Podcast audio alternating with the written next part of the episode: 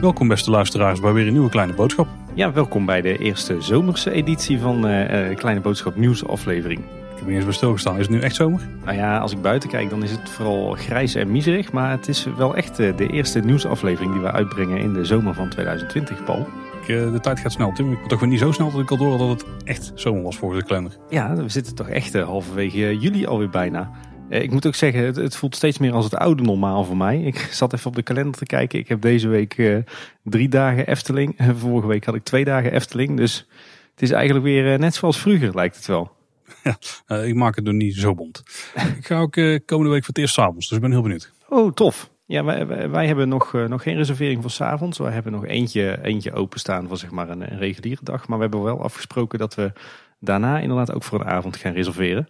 En de oppas is al geregeld, dus dan gaan we ook een, eh, een avondje van 7 eh, tot 11. Lekker romantisch met z'n tweetjes. En dan niet jij en ik, hè, voor de luisteraars. Nee, precies. Hey, we hebben weer een volle nieuwsaflevering, maar eerst hebben we nog een stukje follow-up. Ja. Over de vorige nieuwsaflevering, was aflevering 160. We hadden toen over uh, Max en Moritz sierpop Tim, maar We vielen wellicht door de mand, hè? Ja, wij dachten van dat is toch fantastische merchandise. Uh, van die super deluxe poppen. Van die creepy poppen. Ja, precies. Wat, wat bleek, dat was een, uh, een Photoshop van een Efteling liefhebber uh, om de scene voor de gek te houden. En wij waren daar volledig ingetrapt. We waren ook niet echt de doelgroep, dus zo goed onderzocht had ik het allemaal niet. Nee, precies. We hadden het eerder al gehad over de gethematiseerde pomp met handshell. Die in twee kleuren was uitgevoerd. Dus een, een mooie gethematiseerde variant en niet de simpele stalen variant die er nu is.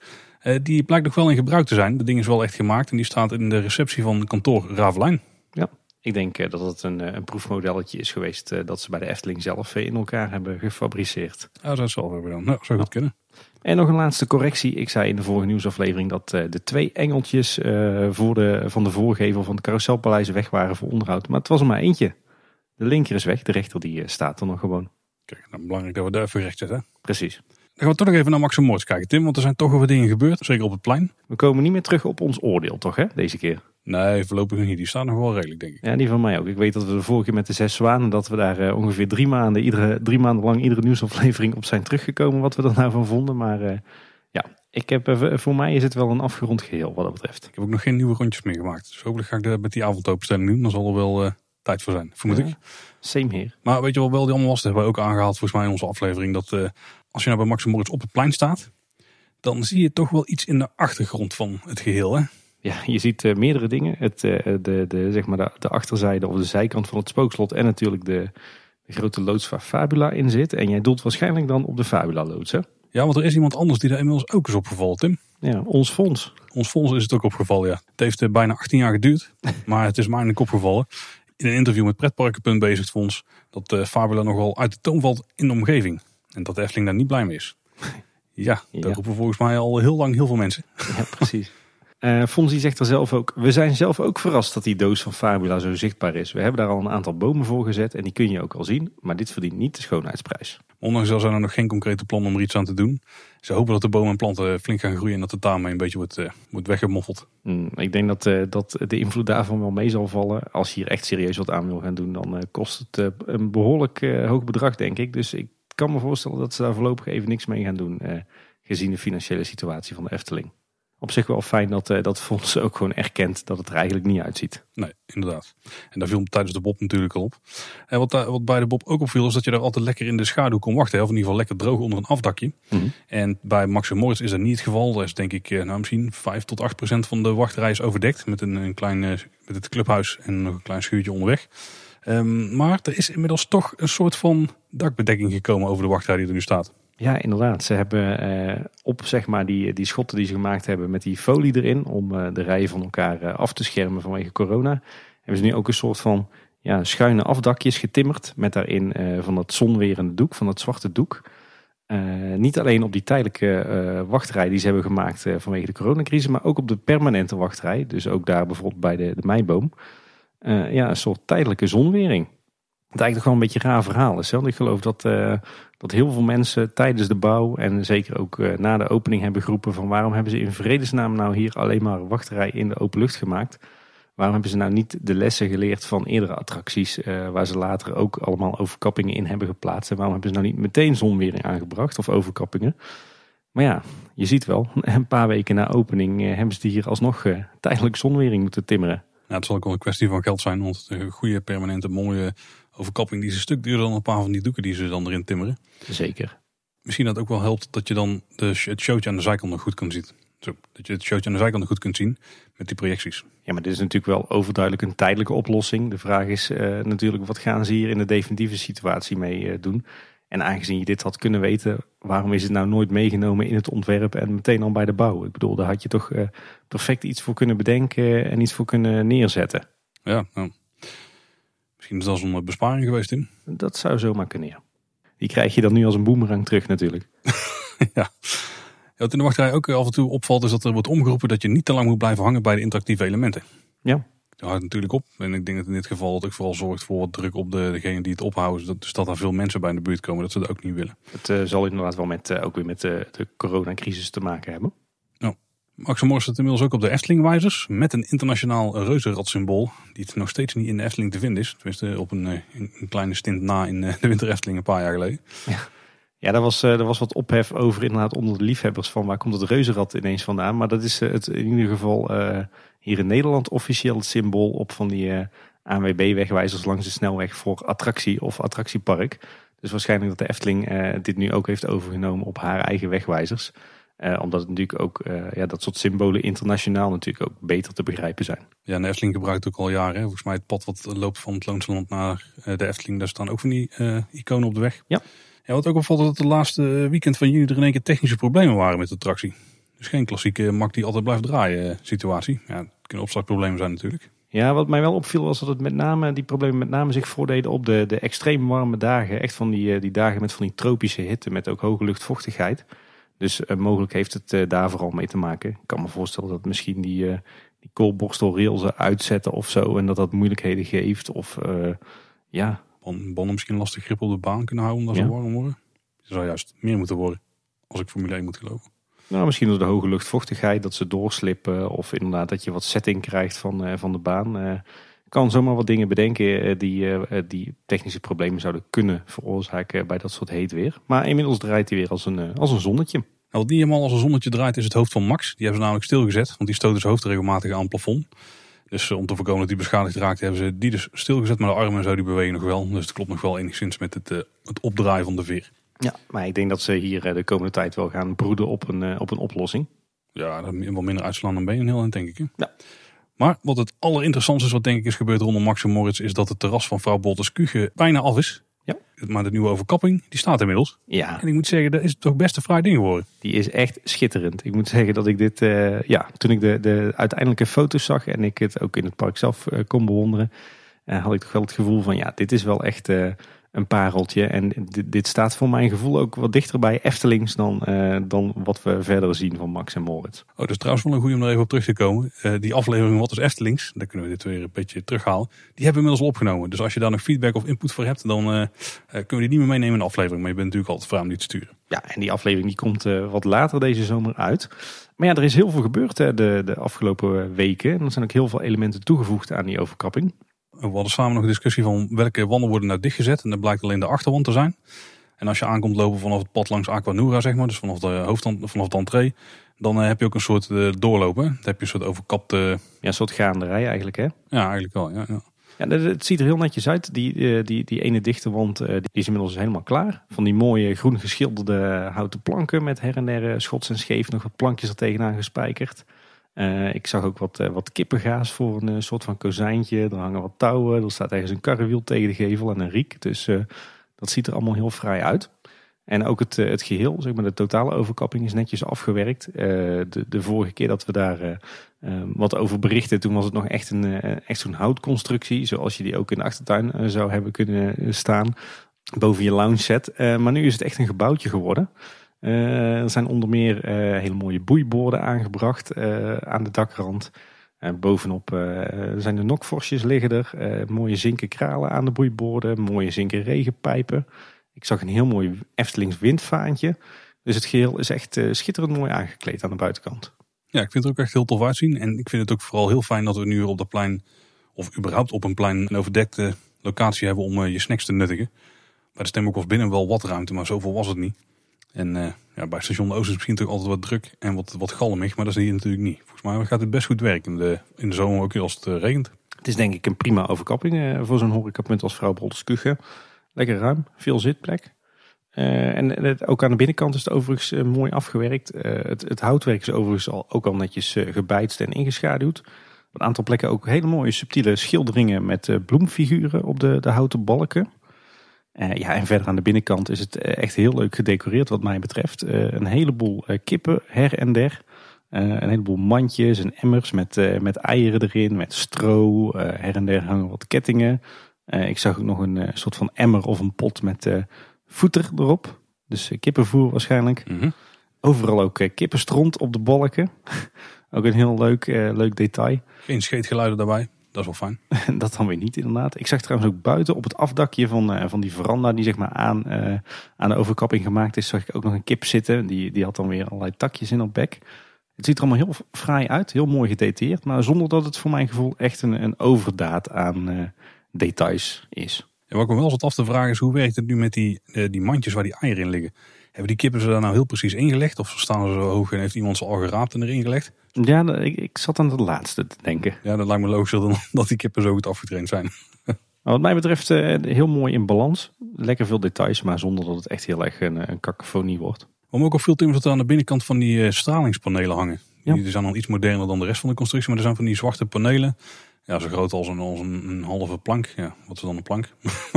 Ongeveer anderhalve meter denk ik en een centimeter of twintig breed. Uh, dus je kunt er ook in de winter warm zitten. Dus dat is wel prettig. Niet van die lekkere gaskachels, want uh, dat is natuurlijk niet duurzaam. Nee, dat mag niet meer. Nee. Uh, en ik zag trouwens ook dat ze wat, wat mooie hanglampjes her en der hebben aangebracht. Dus het is ook aan de binnenkant sfeervol verlicht. Ze hebben ook een greep gedaan naar het verleden. Want er staat een bord op het geheel. En die is gebaseerd op het bord dat ooit op het kapoentje stond. Ja, en dat was de voorloper van de Meermin. En ja, het is eigenlijk één op één hetzelfde bord. Nou ja, het is eigenlijk denk ik een remake van het bord. Maar de schildering is uh, één op één gelijk. Dus een mooie knipoog naar het verleden. Klassiek Efteling's En het past in dit geval goed bij, want dit is een kiphok hè? Ja, zeker. Ja, al met al denk ik een, een heel smaakvol, best wel Eftelings toevoeging. Ja. ja. We zitten nog steeds in de coronacrisis, mogen we wel zeggen. Al zijn er misschien steeds minder mensen die zich daar druk over maken, lijkt het. Ja. Ben je recent nog in de Efteling geweest? Tim, was zijn jouw ervaringen met hoe, uh, hoe iedereen zich gedraagt op dit moment? Ja. ja, ik ben dus eigenlijk stiekem best wel vaak in de Efteling geweest uh, de laatste weken. Ik ben echt, uh, echt heel blij met die, die last minute reserveringen die je nu kan plaatsen. Want dat werkt echt als een, als een trein. Ja, zeker. En mijn ervaring is inderdaad dat, dat nog maar weinig bezoekers zich echt houden aan die, die regels vanuit zowel de Efteling als vanuit het RIVM. Ik heb het idee dat nog maar heel weinig mensen die anderhalve meter echt heel erg belangrijk vinden ik probeer me daar zelf toch wel zo goed en zo kwaad als het kan aan te houden. En waar, waarin, waar voor mijn gevoel in het begin iedereen dat deed, ben je nu meer een soort van uitzondering. Ik heb ook al een paar keer discussie en bijna ruzie gehad met andere bezoekers. Uh, toevallig van de week nog stond ik bij de, de Indische waterlelies te wachten en op een gegeven moment een dame achter mij. Gewoon een, eh, een, eh, een, een nette vrouw van ergens in de veertig met twee dochtertjes volgens mij een gestudeerd typeje, die, die spreekt nog aan van meneer, zou je niet onderhand eens een keer doorlopen? Want uh, zo duurt het wel heel erg lang voordat we aan de beurt zijn. Nou ja, effectief gezien duurt het net zo lang. Maar... Ja, inderdaad. En dan moet je maar weer zien uit te leggen dat, die, dat we toch echt nog steeds anderhalve meter afstand uh, moeten houden. En dan word je weer versleten, verzekerd. Dus ja, ik, uh, ik uh, moet zeggen dat me dat wel heel erg opvalt. Niet alleen in de Efteling trouwens, hoor in alle parken die ik de afgelopen weken heb bezocht, maar ook in de supermarkt en zo. Dat vind ik wel grappig. In het begin had ik het gevoel dat ik dat wij veel uh, minder uh, angstig waren voor corona en veel uh, vaker naar buiten gingen en op pad gingen dan anderen. En intussen lijken we aan alle kanten ingehaald te zijn door mensen die, die het allemaal maar onzin vinden, alle, alle maatregelen. Maar ja, dat merk je dus ook in de Efteling. Wat me ook opvalt, ik ben de afgelopen week ook weer veel in andere dierentuinen en pretparken geweest, is dat de Efteling echt wel veruit het strikste is hoor, qua maatregelen. Als je dan ziet al die, die schotten in wachtrijen, die lijnen op de vloer, de borden, uh, het personeel dat, uh, dat toch nog best wel oplet. Als je dat afzet tegen mijn, mijn ervaringen, bijvoorbeeld in een Toverland of in een Diergaarde Blijdorp of in een Beekse Bergen, dan zit de Efteling er echt bovenop, waar andere parken veel soepeler zijn. En mijn ervaring is eigenlijk dat in een wachtrij nog best goed te doen is. Ja, misschien ligt het ook gewoon aan de mensen die om je heen staan. Dan heb ik iedere keer geluk gehad. Maar daar wordt die afstand best wel goed bewaard. En als het keer niet is, is het gewoon omdat iemand even niet zit op te letten. Maar dan corrigeert hij zichzelf al redelijk snel weer. Het valt me vooral op, op de paden en zo, dat het daar uh, best wel ellende is af en toe. Zeker de wat smallere paden, er zijn superveel gezinnetjes of mensen die dan gewoon midden op dat pad gaan staan uh, te kletsen. Ik denk, ja, dat is niet zo handig als je anderhalve meter afstand moet houden. Want dat kan dan gewoon op dat moment gewoon echt niet meer. Nee. Ik zou ook niet heel erg vinden, denk ik, als we daar misschien bij de Efteling iets uh, duidelijker in gaan zijn. En misschien een looprichting pijl of zo aan gaan brengen. Van hier lopen de ene kant op, daar de andere kant. Dan ja. is er misschien toch zo'n geheugsteuntje van, oh, ik moet even hier doorlopen. Dan ga ik op het pleintje wel stilstaan. Want is niet handig. Ook niet in het Sprookjesbos bijvoorbeeld. Als je daarmee op het pad gaat staan, ja, hoe, ga, hoe ga je daar omheen komen, weet je wel? Klopt. En de Efteling is zelf volgens mij ook opgevallen. Um, ook in een interview met Fons ging het erover. Uh, die, die haalde volgens mij meerdere redenen aan. Eentje was dat mensen zich misschien uh, iets te veel verliezen in de Efteling. En ik denk dat, dat, ik denk dat hij daar eigenlijk wel een beetje gelijk in heeft. Want voor heel veel mensen is dit dan een uitje. Die gaan zich op zo'n moment gedragen zoals ze dat vroeger ook deden. Dus het is niet per se dat ze zich verliezen in de wondere wereld. Maar wel in het feit dat ze weg zijn van huis uit het dagelijkse sleur. En dat het dan ja, dus er even niet bij stilstaan dat die anderhalve meter overal geldt. En op heel veel plekken word je er super aan herinnerd, maar op paden en zo niet. Dus daar, uh, daar heb je niet die geheugensteuntjes die je er even op wijzen van, oh ja, ik moet hier toch even opletten en aan de kant gaan staan en zorgen dat mensen gewoon ruimte geven. Want dat is, dat is het punt eigenlijk. Uh, want in het begin had ik heel erg het gevoel dat mensen echt wel elkaar de ruimte gunden. Ja. Dus je, al ging je echt stilstaan en je had door van, oh je moet er langs, dan ging je aan de kant staan. Maar op dat moment, ja, dat, dat lijkt gewoon niet meer zo te zijn. Ja, ik, heb, ik had tot een week of twee geleden had ik dezelfde ervaring als jij. Maar zeker de afgelopen week heb ik ook de indruk dat ook in wachtrijen mensen eigenlijk vrijwel nergens meer naar kijken. Dat ook die witte en rode strepen op de vloer eh, gewoon door eh, een heel groot gedeelte van de mensen wordt genegeerd. Nou, nou is dat denk ik niet iets wat, wat aan de Efteling te wijten is. Uh, want dat is wel iets wat ik omheen overal zie. Op het werk, in de supermarkt, in, in, in het centrum van het dorp. Het lijkt wel of mensen nergens meer naar kijken. En dat zie je dus ook in de Efteling. Uh, alleen valt het daar misschien net wat meer op, omdat de Efteling nog zo uh, haar best doet om het wel in goede banen te leiden. Dus dat je overal wordt geconfronteerd met uh, die rood-witte strepen waar volgens niemand zich aan houdt. Dus ik denk meer dat dat een, een, een, een ontwikkeling op landelijk niveau is. Maar het is wel zuur, want als je ziet hoeveel geld en moeite de Efteling steekt in al die maatregelen om maar niet negatief in het nieuws te komen, om maar het goed geregeld te hebben, om de veiligheid en gezondheid niet in het gedrang te laten komen als je ziet dat mensen er dan zo mee omgaan en dat dat dan ook vervolgens weer een paar keer in het nieuws komt. Ja, dat is wel extreem zuur, vind ik hoor.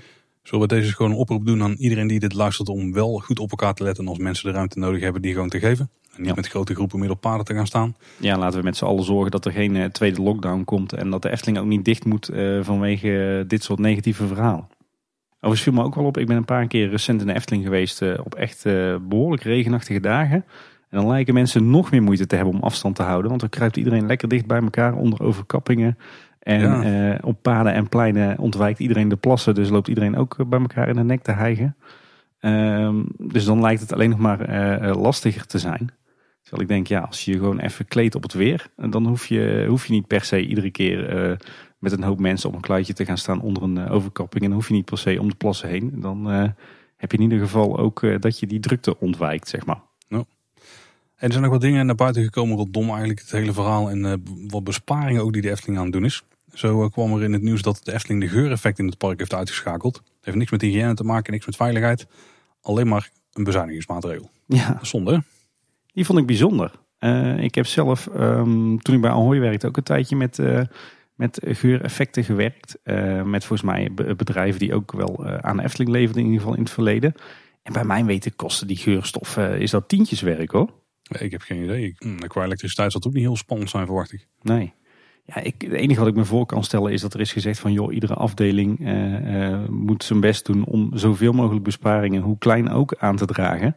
En misschien is deze besparing heel klein, maar is er wel gezegd van ja, deze vinden we wel acceptabel, dus voer maar door. Nou, ze spelen financieel in ieder geval zoveel mogelijk op safe. Dat is wel, uh, wel duidelijk. We hebben natuurlijk wel meer versoepelingen gehad. Sinds 1 juli zijn er wat versoepelingen geweest waardoor je met grotere groepen ook binnen evenementen kunt organiseren. Dat heeft natuurlijk voor de Efteling ook impact. Ze zijn dus nu aan het checken wat ze kunnen doen uh, rondom Caro. Dus hoe ze daar nog uh, zoveel mogelijk mensen op gepaste afstand van elkaar kunnen toelaten. Dus ze zijn nou best aan het doen om Caro nog deze zomer terug in het theater te krijgen. Ja, en ze zijn ook aan het kijken in hoeverre ze weer evenementen kunnen laten plaatsvinden hè, voor bijvoorbeeld de zakelijke markt. Ze hebben toch al een klein Caro promotiecampagnetje gestart, Tim. Want de muziek van Caro kun je vertaan op verschillende streamingdiensten vinden. Heel tof. Ja, inderdaad. Ik zag het ook voorbij komen. Mooi muziek. Ik heb hem al meermaals in de auto opgezet en hij is inmiddels ook een favoriet bij de kinderen. Kijk, dat heb jij goed gedaan, Paul. Ik moet ik zeggen, ik heb ook wel weer zin in een keer een, eh, een avondje Caro. Ja, oudste dochter die willen nou graag een keer heen. Dus eh, die moeten we maar eens mee, mee op sleeptouw nemen binnenkort, als het weer kan. Nou, we hadden net al eens over de drukte. De Efteling die heeft zelf ook aangegeven dat het te druk was. Dus hebben dus ook wel extra mensen ingezet voor crowd control. Ik weet niet of het nou dezelfde mensen zijn wat de vorige keer al overal dat er nog meer mensen zijn ingezet. Maar het ging in ieder geval over tien extra mensen. Wat we zelf ook al aangaven, wachtrijen werden in instantie zo lang dat de paarden de pleinen vol kwamen te staan. En dat is natuurlijk niet wenselijk. Dus dat is ook de reden dat ze heel veel dingen nu backstage hebben gedaan. En ook daar eh, met schotten ertussen geprobeerd hebben nog verder te verlengen. Ja, dat, uh, dat zorgt ook voor, voor wat, uh, wat aandacht in de media. Uh, en de Club van Elf die reageerde daar dat het vooral eigenlijk de eigen verantwoordelijkheid van de bezoekers zelf is. Aangezien de parken meer dan genoeg hebben geïnvesteerd in extra maatregelen. Maar de Efteling die sprak dat op haar beurt vervolgens weer tegen. Onder het mom van ja, onze bezoekers zijn nu eenmaal gewend dat in de Efteling altijd alles 100% veilig is. En dat de Efteling daar zelf voor verantwoordelijk is. Dus het is voor iedereen ook wennen. Ik denk dat dat ook wel waar is. Overigens vraag ik me wel af over wat voor extra mensen voor crowd control dat het dan gaat.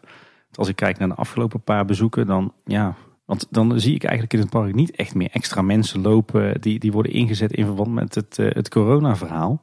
Uh, je ziet wel gewoon de normale beveiligers lopen en de mensen die bij de Milieudienst werken, die dragen nu van die mooie anderhalve meter hesjes. maar verder staat overal weer gewoon de normale bezetting. zijn de meeste hosts bij de, de horecapunten ook weg. Uh, er staan ook niet echt meer mensen op de pleinen bij de desinfectiestations. Dus ik vraag me heel erg af wat, wat dan die extra inzet is. Ik, ik zie hem in ieder geval in het park niet meer terug. Misschien is het alleen de drukke weekenden geweest. Of de echt drukke momenten met de opstart of zo. Toen ben ik zelf ook niet in het park geweest nog. Dus uh, nee. ik zou het niet precies weten. Overigens mis ik het ook niet echt hoor. Want ik moet zeggen dat, uh, dat het reguliere personeel bij de attracties in de horeca ook wel mensen aanspreekt. Als het even echt niet meer kan. Fons hij zichzelf over de drukte in een interview op het Efteling blog. Over het algemeen gaat het goed, maar soms zie je toch dat men te weinig afstand houdt. Het komt deels omdat gasten opgaan in de beleving, wat natuurlijk nog steeds de bedoeling is. Je wilt er even de zorgen van alle dag vergeten, maar je ziet ook wel dat niet iedereen mee bezig is met die anderhalve meter maatregel. Dat is eigenlijk precies wat wij net zeiden. Oh, heeft hij gewoon gelijk in. Uh, in hetzelfde interview zegt Fons trouwens ook dat op dit moment echt de verliezen aan het beperken zijn. Dat de focus vooral ligt op het voortbestaan van de Efteling. Financieel wordt het een veel slechter jaar dan verwacht. Het slechtste jaar ooit. We zijn zo'n twee maanden dicht geweest en dit kunnen we niet meer inhalen. En dat betekent ook dat we een pas op de plaats moeten maken. Op dit moment weten we niet wat dit gaat betekenen voor de uitbreidingsplannen of het bouwen van nieuwe attracties. Nou, sluit het in ieder geval nog niet helemaal uit. Zo weet het gewoon niet. Ja, nou dat is in ieder geval duidelijkheid. Hè? Want we hadden het de vorige nieuwsaflevering al over dat er zoveel verschillende berichten naar buiten kwamen. Maar nu is in ieder geval gewoon duidelijk van oké, de Efteling weet gewoon nog niet wat dit voor, uh, voor consequenties gaat hebben voor uitbreidingsplannen en nieuwe attracties. En als laatste zegt hij ook nog, het vooraf reserveren van een datum heeft wel extra voordelen. Je kunt beter anticiperen op de gastenaantallen, wat bijdraagt aan de 9 plus waardering waar we naar streven. Ik zeg niet dat we hier naar de crisis mee doorgaan, maar het geeft wel nieuwe inzichten. Het zou mij niks verbazen als je straks, stel dat we weer teruggaan naar het oude normaal of naar een nieuw normaal, eh, dat in ieder geval de mogelijkheid om een plekje te reserveren, dat die, dat die blijft. Uh, maar dan misschien niet als vereiste, maar meer als bijvoorbeeld een, eh, een voordeeltje. Dus stel jij boekt van tevoren je kaartje op een bepaalde datum dat je een euro of twee euro korting krijgt. Ja, precies. Ja. Ik kan me heel goed voorstellen dat het voor een park als Efteling heel fijn is om van tevoren alvast te weten hoeveel mensen er komen. Ja, een paar nieuwe versoepelingen die ook zijn ingevoerd rondom corona is dat uh, jongeren tot 18 jaar niet meer per se die anderhalf meter afstand hoeven te bewaren. En daar gaat de Efteling ook proberen van te profiteren. Dus ze zijn nu bezig met een test uh, van een aparte wachtrij voor jongeren tot 18 jaar. Dus dan hebben ze gewoon een ouderwetse wachtrij die ze wel helemaal vol kunnen zetten. En bij Joris en de Draak wordt daar nu de single rider voor ingezet. Ja, ik denk ook weer een, een goede ontwikkeling. Hè? Uh, ook weer een duidelijk signaal dat de Efteling bezig blijft met het, het tweaken van uh, de maatregelen. En blijft proberen om weer zo, ja, zoveel mogelijk terug naar een soort van nieuw normaal te gaan. ja, goed om te zien, dat soort initiatieven. Hoe zit het met instappen dan? Mogen ze dan gaan ze ook heel de trein volladen als die mensen mogen instappen of, of dat dan niet? Ze schijnen dat ze in ieder geval bij Joris en de Draak dat ze uh, de treinen om en om inladen. Dus uh, eerst de gewone wachtrij, de trein daarna weer de, de jongere wachtrij en dan weer de normale wachtrij. Maar mag, mag de jongere trein ook helemaal vol zitten van voor tot achter? Lijkt mij wel. Ja, dat is voor de capaciteit weer gunstig. Oké. Ja, zeker. Ja, en dan Tim, Ravelijn is weer open. Ja. Dat is een aangepaste show, zoals we al eerder hadden aangekondigd. Heb jij hem gezien? Ik heb hem nog niet in real life gezien. Ik heb verschillende keren voor de poort gestaan met vrouw en kinderen teleurgesteld dat we er niet in konden omdat we of te laat waren of omdat uh, dat hij al helemaal vol zat. Maar we hebben hem hier thuis al verschillende keren op, op tv gezien. Zou ze niet gewoon weer een reserveringssysteem moeten aanschaffen hier? Of in ieder geval weer moeten instellen, want dat zal gewoon nog liggen. Ja, absoluut. Want dan, dan heb je in ieder geval niet die lange rij die zich op het Tom van de Vemplaan gaan zetten. Nee. Ik kan me ook niet voorstellen dat ze dat niet gaan doen. Dat lijkt me inderdaad uh, wel een logische stap. Want uh, het punt is natuurlijk, uh, volgens mij mag je op dit moment maar maximaal met 100 of 150 man een theatervoorstelling doen. Ja, binnen. Ik weet niet hoe het buiten zit op zo'n tribune. Nee, ik had in ieder geval, ik, ik, ik had ergens gelezen dat er maximaal eh 50 gezelschappen nu eh, in Ravelijn kunnen. Zo. Dus dat is dan, eh, ja, pak een beet denk ik eh, rond de 100, 150, 200 man maximaal.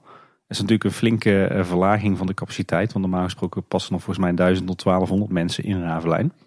Dat betekent dus inderdaad dat, dat de afgelopen dagen dat heel veel mensen eh, ja, eigenlijk de deksel op de neus kregen. Omdat ze graag de, de nieuwe Ravelijn show wilden zien.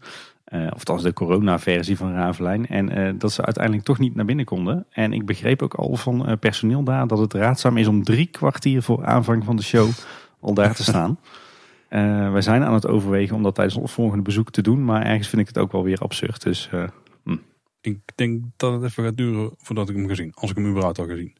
Maar er is dus een aangepaste show. Het duurt 12 minuten. Eh, De verhaallijn is aangepast. En daarin zijn de vijf helden weer aanwezig. En die worden opgeleid tot ruiters om voorbereid te zijn als de stad Ravelijn ooit in gevaar komt. het is een soort van origin story eigenlijk. Hè? Dat, dat zegt Halina ook aan het begin van de show. Oh, letterlijk. Dus het is ook nog een soort metaverhaal. Ja. Eh, wat, wat tof is, René, die heeft er, uh, René Mergelbach natuurlijk, heeft er nieuwe muziek voor geschreven. Ja, en, en ja, wat, wat zie je zoal in de show? Eigenlijk zitten er alle elementen uit de, de reguliere show er, of althans bijna allemaal wel in. Hè. Er wordt wat, eh, er wordt wat gevochten met zwaarden, er zitten wat stunts op paarden in, er zitten wat vogels in, Halina zit erin. Ehm, alleen geen slechterikken en geen, eh, geen draak en geen draconicon. Ja, die is natuurlijk nog wel duur om in te zetten voor het aantal toeschouwers wat er op dat moment zit. Dat is niet heel rendabel, denk ik. Ja, want eh, je hoort momenteel heel veel kritiek op deze aangepaste Ravelijn show. Ja, ik hoor niet dat het heel veel goed is. eh, eigenlijk. Nou ja, wij hebben het hier thuis gekeken. Weet je wat het is? Voor de doelgroep, eh, voor de wat kleinere kinderen, is dit denk ik een prima show. En je moet er wel rekening mee houden, de capaciteit is heel beperkt. Dus ja, wat mag zoiets dan kosten? Je wilt toch eh, niet te veel kosten maken voor zo'n klein publiek. En dan denk ik dat ze hier best een leuk showtje hebben neergezet. Ik bedoel, als ik naar mijn eigen kinderen kijk, die, eh, die vinden het fantastisch. In ieder geval de YouTube-versie. En zeker inderdaad kinderen en mensen die, die de ridders van Ravelijn en, en de paarden en de dieren en de stunts hebben gemist. Ja, die komen wel weer een klein beetje aan hun trekken. Alleen ja, dit is inderdaad wel een low-budget variant van de normale Ravelijn show. En dat snap ik ook wel als je ziet wat voor minimale capaciteit eh, theater eh, nu heeft. Ik had nog de hoop van tevoren dat ze misschien met een eh, verhaal van 12 minuten er iets begrijpbaarders van kunnen maken voor eh, de meeste bezoekers. Maar dat is eh, misschien wel gelukt. maar het is niet per se een beter verhaal geworden. Nee, nee, weet je, ik denk dat we het ook zo moeten zien. Eh, het is of dit of dicht. En ik denk dat het goed is dat ze, dat ze toch hun best hebben gedaan om Ravelijn toch per se zo snel mogelijk weer open te openen. Eh, ze hebben echt hun best gedaan op een, een andere show met een andere verhaallijn, nieuwe muziek, nieuwe stunts. Ehm, ja, ik kan alleen maar zeggen, chapeau Efteling dat, dat jullie dit toch voor elkaar hebben gekregen. Zeker als je ziet dat je hier dus maar zo'n klein publiek mee kan vermaken. Dan denk ik dat ze nog best wel wat aardigs op de planken zetten. Maar goed, voor eh, heel veel mensen is het eh, natuurlijk eh, niet snel goed. 9 plus? Nou, geen 9 plus. Plu- 8 plus? Ik, ik denk het eh, 7 even. plus? eh, naar omstandigheden denk ik een 8. En, en heel nuchter naar kijken is het een, een zeventje of zo, of een 6,5. Maar goed, Oh, wat ik, wel, wat, wat ik al zei, nou, ja, weet je, je moet het ook zien in het licht van de coronacrisis, van de financiële situatie van de Efteling, van de capaciteit. wat mag het kosten? Wat heb je ervoor over? En dan denk ik dat het een prima compromis is hoor. Nou, weet je wat het misschien ook wel is? Eh, ik hoorde laatst van eh, Toverland, die heeft wel allemaal entertainment eh, met de, de avond u- openstellingen. En daar is het allemaal geen probleem waar aan kan de Efteling er niet. Nou, ik denk dat de Efteling dan om een hele simpele reden niet kan. Er is veel drukker. Ja. Als je daar entertainment op pleinen gaat zetten, dan gaat iedereen zich daar verzamelen. En misschien moeten we dit wel zien als een soort vervanger voor het pleinentertainment. Ja. Want hier kun je wel op gepaste veilige afstand van elkaar na een show kijken. Want normaal had je de ballingen bent of die gevechten op Tom van de Venplein. En dit is eigenlijk dat, maar dan in het, eh, ja, in het, in het theater. Ja, kijk, weet je wat ik dus niet snap? Zo'n park als Toverland, maar het zijn er meer hoor. Die, die zet bijna weer een heel avondevenement neer met vuurwerk, met, met muziek, met, eh, met grote, grootschalige acts. Maar bij mijn weten zijn evenementen toch nog steeds verboden. Ja, dat- ja, ja, ja, ja, ja. Maar ik denk dat het op zich wel prima is als je evenementen voorbij kunt garanderen dat iedereen ver uit elkaar blijft. Dus met een festival waarbij grote artiesten komen natuurlijk moeilijk. Maar op zich vuurwerk afsteken vind ik nog wel prima. Dat zou in de Efteling ook best kunnen, want daarbij gaan mensen niet per se op één grote hoop staan. Alleen als je gewoon entertainment hebt met, met, eh, met acts, die er overigens wel eentje rondzweeft in de Efteling. Dan heb je toch iets meer dat mensen zich verzamelen. Ja, klopt. Ja. ja, ik denk dat de Efteling ook wel zich er bewust van is dat, eh, Dat ze nauwlettend in de gaten worden gehouden door iedereen. Door de, door de fanmedia, door de regionale en zelfs nationale media. En ze hoeven maar één uh, stap te zetten die, die neigt naar, uh, naar een misstap. En het, uh, het is nationaal nieuws. Dus ik denk dat ze ook wel bewust uitkijken met wat ze doen. Hoor. Dat ze zich wel roomser dan de pauze opstellen. Omdat ze natuurlijk absoluut niet in het nieuws willen komen van de Efteling heeft lak aan de, de coronamaatregelen. Tenminste, dat is wel de indruk die ik krijg als ik andere parken bezoek op dit moment. Ja, juli en augustus waren natuurlijk de maanden waarin de Efteling iedere dag tot 11 uur open zou gaan. En tussen op de eerste twee dagen na, want volgens mij is het nog 3 juli. Klopt. Uh, dus er zijn nu inmiddels een aantal avonden geweest dat je s'avonds naar de Efteling kon, dus tussen 7 en 11. is niet heel veel tevredenheid over. Tenminste, ik hoor van mensen aan de ene kant het is extreem rustig, dus ik kan lekker veel doen. Ja. Maar aan de andere kant hoor ik het is extreem rustig en daardoor uh, mist de sfeer een beetje. En er is ook geen entertainment en de horeca is niet altijd open. Dat is dan natuurlijk uh, enigszins gelijk met hoeveel mensen er zijn, denk ik. Dus... Mm. Ja, ik denk dat hier twee dingen aan de hand zijn. Kijk, aan de ene kant denk ik van uh, laten we nog niet te vlug oordelen. Hè, uh, eigenlijk traditiegetrouw zijn de eerste uh, Efteling zomeravonden en, en de eerste weken van de zomer altijd de weken waarop het het rustigst is. Um, no. Bovendien hebben we nu ook nog een aantal hele natte, koude avonden gehad. dus wellicht trekt het nog aan. De Efteling is ook volop bezig met het promoten van die avonden. Hè. Daar zullen we het zo meteen nog wel even over hebben.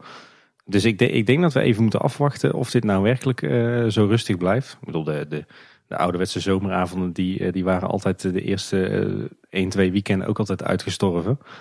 En het is voor een deel ook wel denk ik een gevalletje, het is ook nooit goed. En ik bedoel, waarom zijn deze avonden in het leven geroepen?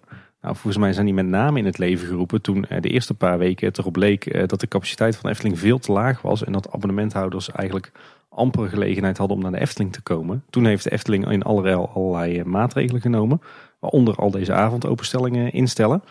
Uh, die zijn natuurlijk voor iedereen toegankelijk. Maar laten we wel wezen, ik denk dat een belangrijke doelgroep hier de abonnementhouders zijn. Mm -hmm. En nu hebben we die avondopenstellingen eigenlijk speciaal in het leven geroepen voor die abonnementhouders. Uh, ze zijn lekker rustig, ze kunnen overal in. En dan is het weer niet goed. Ja, wat je net al zei, het is normaal gesproken de eerste twee, drie zomeravonden is het altijd extreem rustig. De vrijdagen waren vroeger bijvoorbeeld ook heel rustig toen die voor het eerst werden ingevoerd. Daar ben ik toen wel een aantal keer geweest. Ja, dan was er ook geen hond te vinden. Ook geen blinde geleidehond, want die mogen dan wel mee naar binnen natuurlijk. Ja, ik denk dat dat hier ook gewoon weer zo is. Dus ik denk dat zeker komende week, dan begint de vakantie ook hier in het zuiden. Ik denk dat we dan in de weekenden moeten gaan opletten en dat we dan zien hoe, hoe druk het is. Ja, en het is natuurlijk wel zo dat wat, wat heel veel mensen nu aanhalen, en dat snap ik wel dat ze het aanhalen, maar ja, dat is ook even afwachten, is dat je de mensen in de verblijfsaccommodaties hebt, dat die niet naar binnen mogen. Uh, want die moeten ook gewoon 25 euro betalen als ze dat willen. Of ze moeten een abonnement hebben, dan kun je natuurlijk gewoon met een last minute reservering naar binnen. Dat het zo zonde is dat het park leeg is en dat die mensen in hun uh, accommodatie zitten. Ja, dat is absoluut zo. Ja. Maar je kunt er niet vanuit gaan dat het over twee, drie weken ook nog steeds zo is. En ik denk als het tegen die tijd zo is dat de Efteling het echt wel gaat vrijgeven. Want natuurlijk is het, eh, ben je ook als Efteling dief van je eigen portemonnee als je die mensen in een huisje laat zitten. Ja. Maar ik denk vooral, ja weet je, uh, je kunt nu lekker iedere avond tot 11 uur naar de Efteling. Terwijl we zouden eigenlijk nog maar tot 10 uur naar de Efteling kunnen dit jaar. Hè. Je kunt het park dus zien in het donker. Uh, je hebt geen last van allerlei extra entertainment, van drukte. Je hebt geen last van allerlei versieringen. Je, je ziet gewoon het park in haar ja, bijna maagdelijke vorm. Prachtig verlicht, heerlijk rustig. Door mooiere zomeravonden dan dit kan je je toch niet wensen. Als je entertainmentliefhebber bent, dan, dan misschien wel. Maar dat weet ik niet. Dus mij maakt het niks uit. Ik vind het wel prima zo. Ja, ik kijk er in ieder geval heel erg naar uit naar mijn uh, avondje. Nou, ik ook.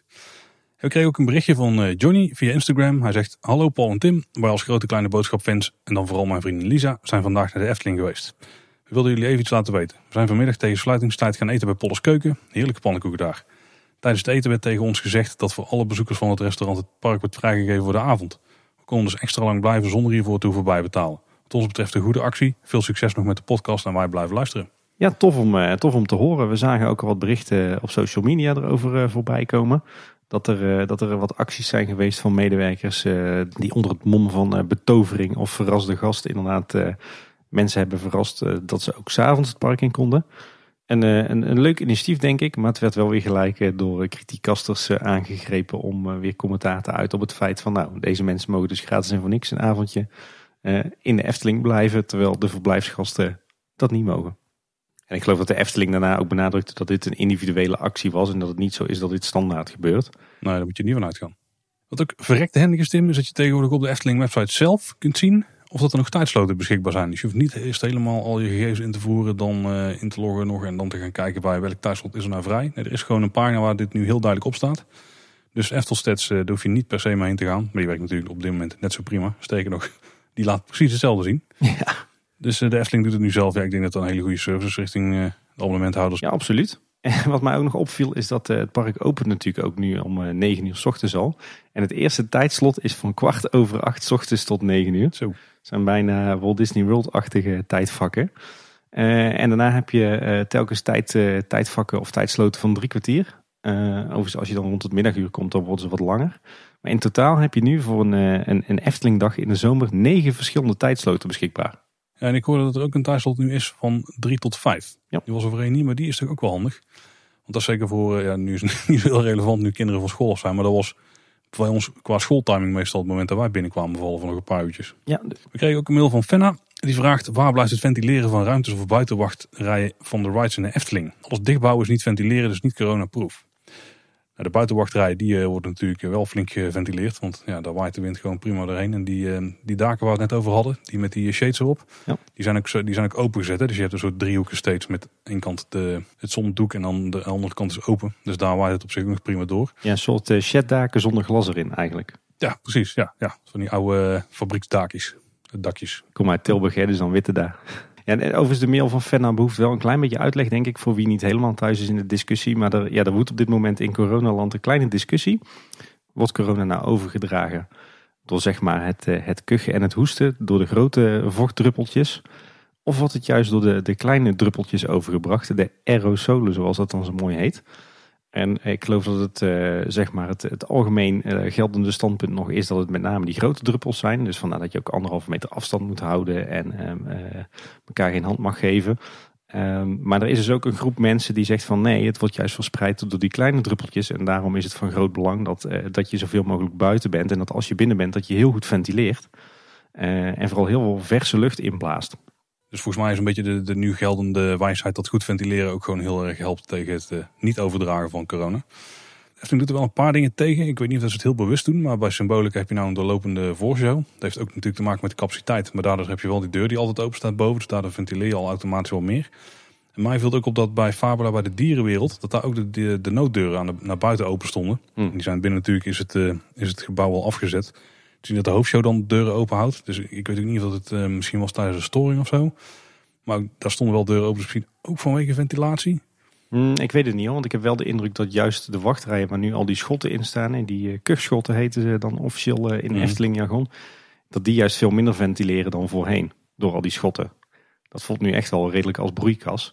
Ik denk als, als dit werkelijk het devies wordt, dus, de, dus we willen juist overbrenging door middel van die aerosolen voorkomen, dan, dan moet je echt zoveel mogelijk juist in de open lucht gaan doen. En, en, en zeg maar de binnenruimtes echt fors gaan ventileren. Dus dan denk ik dat de Efteling uh, nog wel een hoop huiswerk heeft. Maar goed, dat geldt bijvoorbeeld ook voor, uh, voor kantoren, om maar een dwarsstraat te noemen. Dan gaat de stormscène van uh, Vader Morgana en die ventilator bovenaan bij Vogelrok. Ja, nou ja, ik denk ook dat dat geen... geen denk ook niet dat het voor de Efteling een onmogelijke uitdaging is. Hè. Dat betekent gewoon zoveel mogelijk van de dingen die je nu binnen hebt naar buiten verplaatsen. En inderdaad zoveel mogelijk nooddeuren tegen elkaar openzetten. En dan uh, heb je een aardige luchtverversing. Dus Fenna, ik denk dat je een beetje op de zaken vooruit loopt. Vooral omdat het, het landelijke devies nog niet is om, om, om hier wat aan te doen. maar ik denk op het moment dat die richtlijnen veranderen vanuit de RIVM... dat de Efteling dat ook wel gaat oppakken. En ook in de afgelopen weken zijn er weer een hoop maatregelen aangepast. Want daar is het eigenlijk vooral, er komen af en toe wat nieuwe bij. Wat is er allemaal gebeurd, Tim? Een belangrijke aanpassing heeft eigenlijk plaatsgevonden op het gebied van infrastructuur, zou je kunnen zeggen. Uh, want Efteling-medewerkers die mogen vanaf het, het, eerste weekend van juli geen gebruik meer maken van het uh, personeelsparkeerterrein bij Ravenlijn. Uh, want dat parkeerterrein hebben ze nodig voor bezoekers, omdat er gedurende de zomer meer capaciteit nodig is op het parkeerterrein. Omdat ze natuurlijk werken met, met twee losse openstellingen. Hè? Dus je hebt tegelijkertijd de auto's van de daggasten en van de avondgasten op het parkeerterrein. Uh, nou, het personeelsparkeerterrein wordt dus gebruikt door, door bezoekers van de Efteling. En in plaats daarvan moeten de medewerkers hun auto's parkeren op het, het dienstencentrum. Zeg maar achter Carnaval Festival en Vogelrok. Dat heeft nu overigens ook een beperkte capaciteit. Ze mogen ook parkeren bij het oude Rabobank kantoor. Wat ook nog in eigendom is van de Efteling. En wat, wat nieuw is, is dat de Oude Horst momenteel wordt ingezet als, als tijdelijk parkeerterrein voor, voor medewerkers. dus die staat momenteel vol met auto's. Eigenlijk weer net zoals vroeger op de hele drukke zomeravonden, wanneer alle parkeerterreinen van de Eftelingen vol waren, dan ging men uiteindelijk ook naar de Horst. En dan werd hij uh, een soort, uh, als een soort visgraat uh, voorgezet met auto's. En dat doen ze nu ook. Maar dan alleen op het stukje ter hoogte van het Reisrijk en Ruigrijk. Met dus auto's van het personeel. Bij de Python hebben ze nu tijdelijk een extra personeelsingang gemaakt. Er staat nu een, een chalet waar een beveiliger in zit. Maar waarschijnlijk komt er ook een soort van tijdelijke poort met een tijdelijk tourniquet met toegangscontrole. Er zijn ook extra fietsenstallingen gemaakt voor het personeel.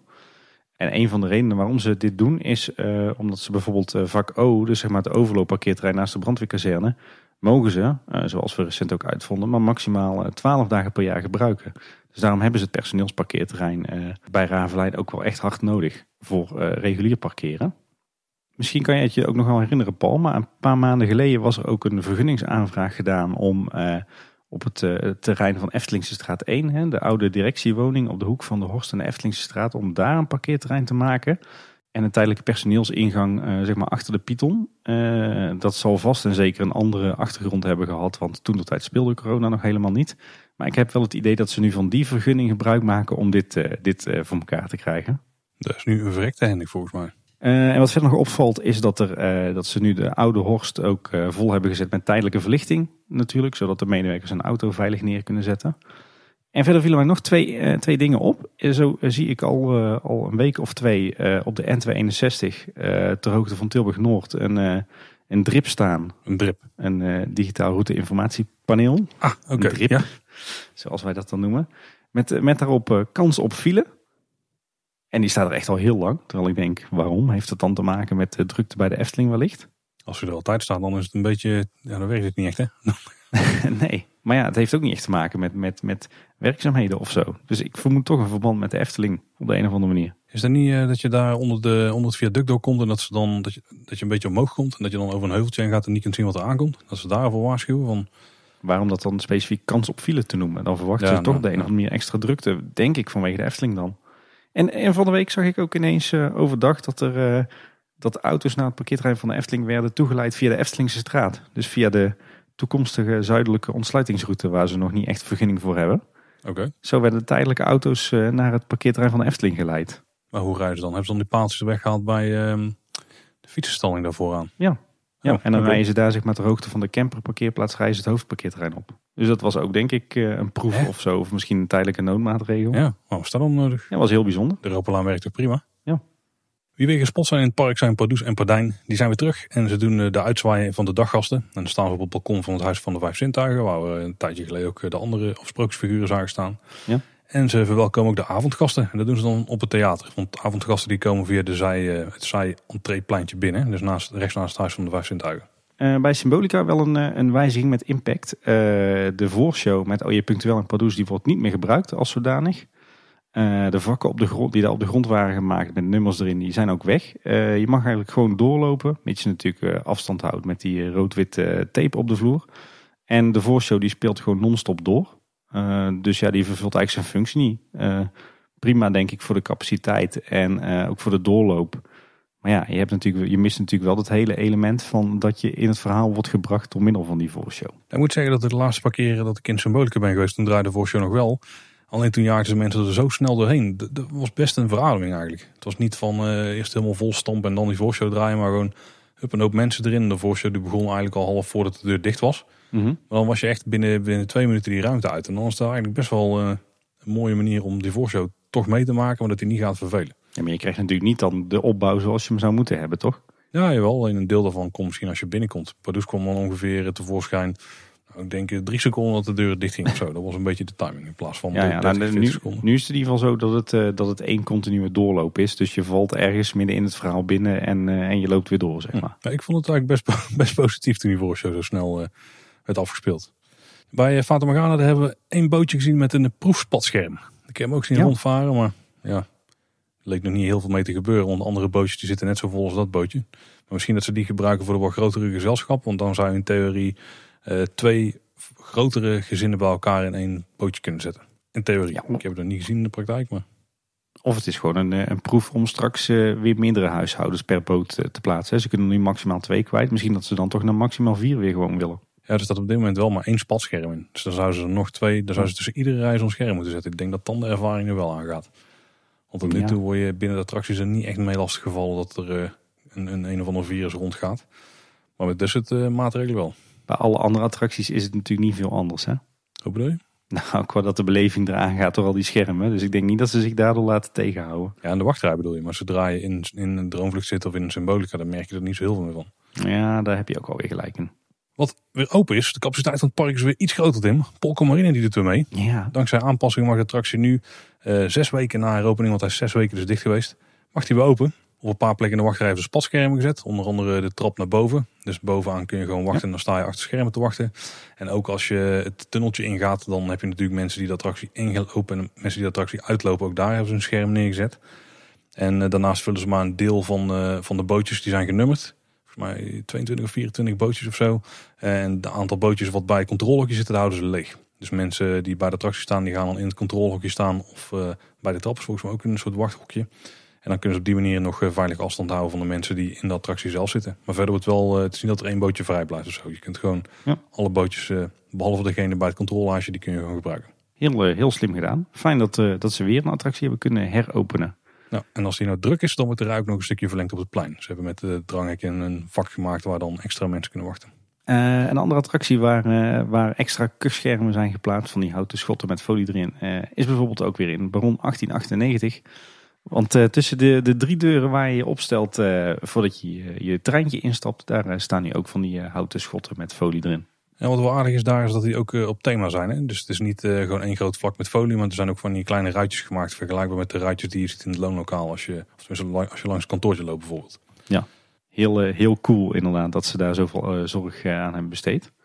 een andere attractie die trouwens weer open is, is het Kinderavonturendolhof. En dan mogen nu alleen maar kinderen in tot met 12 jaar. Dat was voorheen volgens mij eigenlijk ook al wel zo, maar nu is dat natuurlijk strenger. Eigenlijk is alleen de Zes Zwanen nu op dit moment nog gesloten. En het Carnaval Festivalplein die is volledig ingericht met dranghekken, borden en line over crowd control. Volgens mij lopen er nu gewoon paden over die duidelijk afgezet zijn. Dus je hebt niet meer dat je tussen één grote brei van lijnen aan het lopen bent. Ja, je hebt echt, ze hebben echt vakken gemaakt. Een vak buggystalling, een vak voor de winkel, een vak voor de wachtrij voor het toilet, een vak voor de ingang van Carnaval Festival, een vak voor de uitgang van Carnaval Festival, een vak voor de ingang van Vogelrok, een vak voor de uitgang van Vogelrok. Dus is één groot uh, hekken- en strepenfestijn. Maar ik moet zeggen dat mijn ervaring uh, de afgelopen weken is dat het best wel goed werkt en best wel overzichtelijk is. Zijn er nog duidelijke ingangen aangegeven zo met bordjes? Ja, ja, met bordjes uh, netjes in stijl. Er staan ook uh, daar in ieder geval wel een aantal hosts bij. Dus een aantal medewerkers die zeggen van joh, hier is de ingang, hier is de uitgang. hou je aan, aan de looplijnen. Nee, dat, dat gaat heel erg goed. Ik moet zeggen dat ze daar best wel goed voor elkaar hebben. Het ziet er natuurlijk niet uit, maar goed, dat, dat vergeten we maar even. Logistiek gaat het daar gewoon prima. Als je nou de afgelopen weken het park binnenkwam, dan zou een van de eerste dingen die is opgevallen als een soort doorn in het oog. Dat is denk ik het hek wat je zag eh, als je het Sprookjesbos in wilde vanaf de Pardoespromenade. Dat was namelijk een bouwhek met aan één kant de zeil, aan de andere kant gewoon ja, de achterkant van het hek. Wat je, wat je normaal gesproken niet ziet. Maar die is vervangen. Dat is nou inmiddels een, een, een houten groene wand met de folie ook. Nou. En dus is het best wel aardig uit ook weer. Als daar wat piekse krullen op zouden staan, dan eh, is het een best mooi gethematiseerde scheiding, denk ik. Is het helemaal af, hè? Ja, nee, ik denk een, eh, een prima semi-permanente oplossing voor hier. Ja. Dus een aantal van de zaken die nu in het park staan, misschien dat die ook stiekem een beetje bij beetje worden vervangen voor eh, iets uh, fraaiere elementen. Ja, want wat mij ook opviel, een van die uh, zaken die Fons ooit in een interview aanhaalde, dat hij er zo'n hekel aan had dat uh, bij, bij de glazen kat en, en het gebraad dat het daar vol stond met hekken. Die hekken die zijn nu ook allemaal weg. Daar staan nu ook nog alleen maar tapejes op de grond. dus het is ook alweer een stuk minder lelijk. Bij Wielervolte daar zijn ze een beetje uitgeschoten volgens mij. Daar hebben ze heel de meandering hebben ze het nu ook volgebouwd met de inmiddels bekende houten schotten met folie. Dus de, het is weer een ouderwetse meandering op en neer.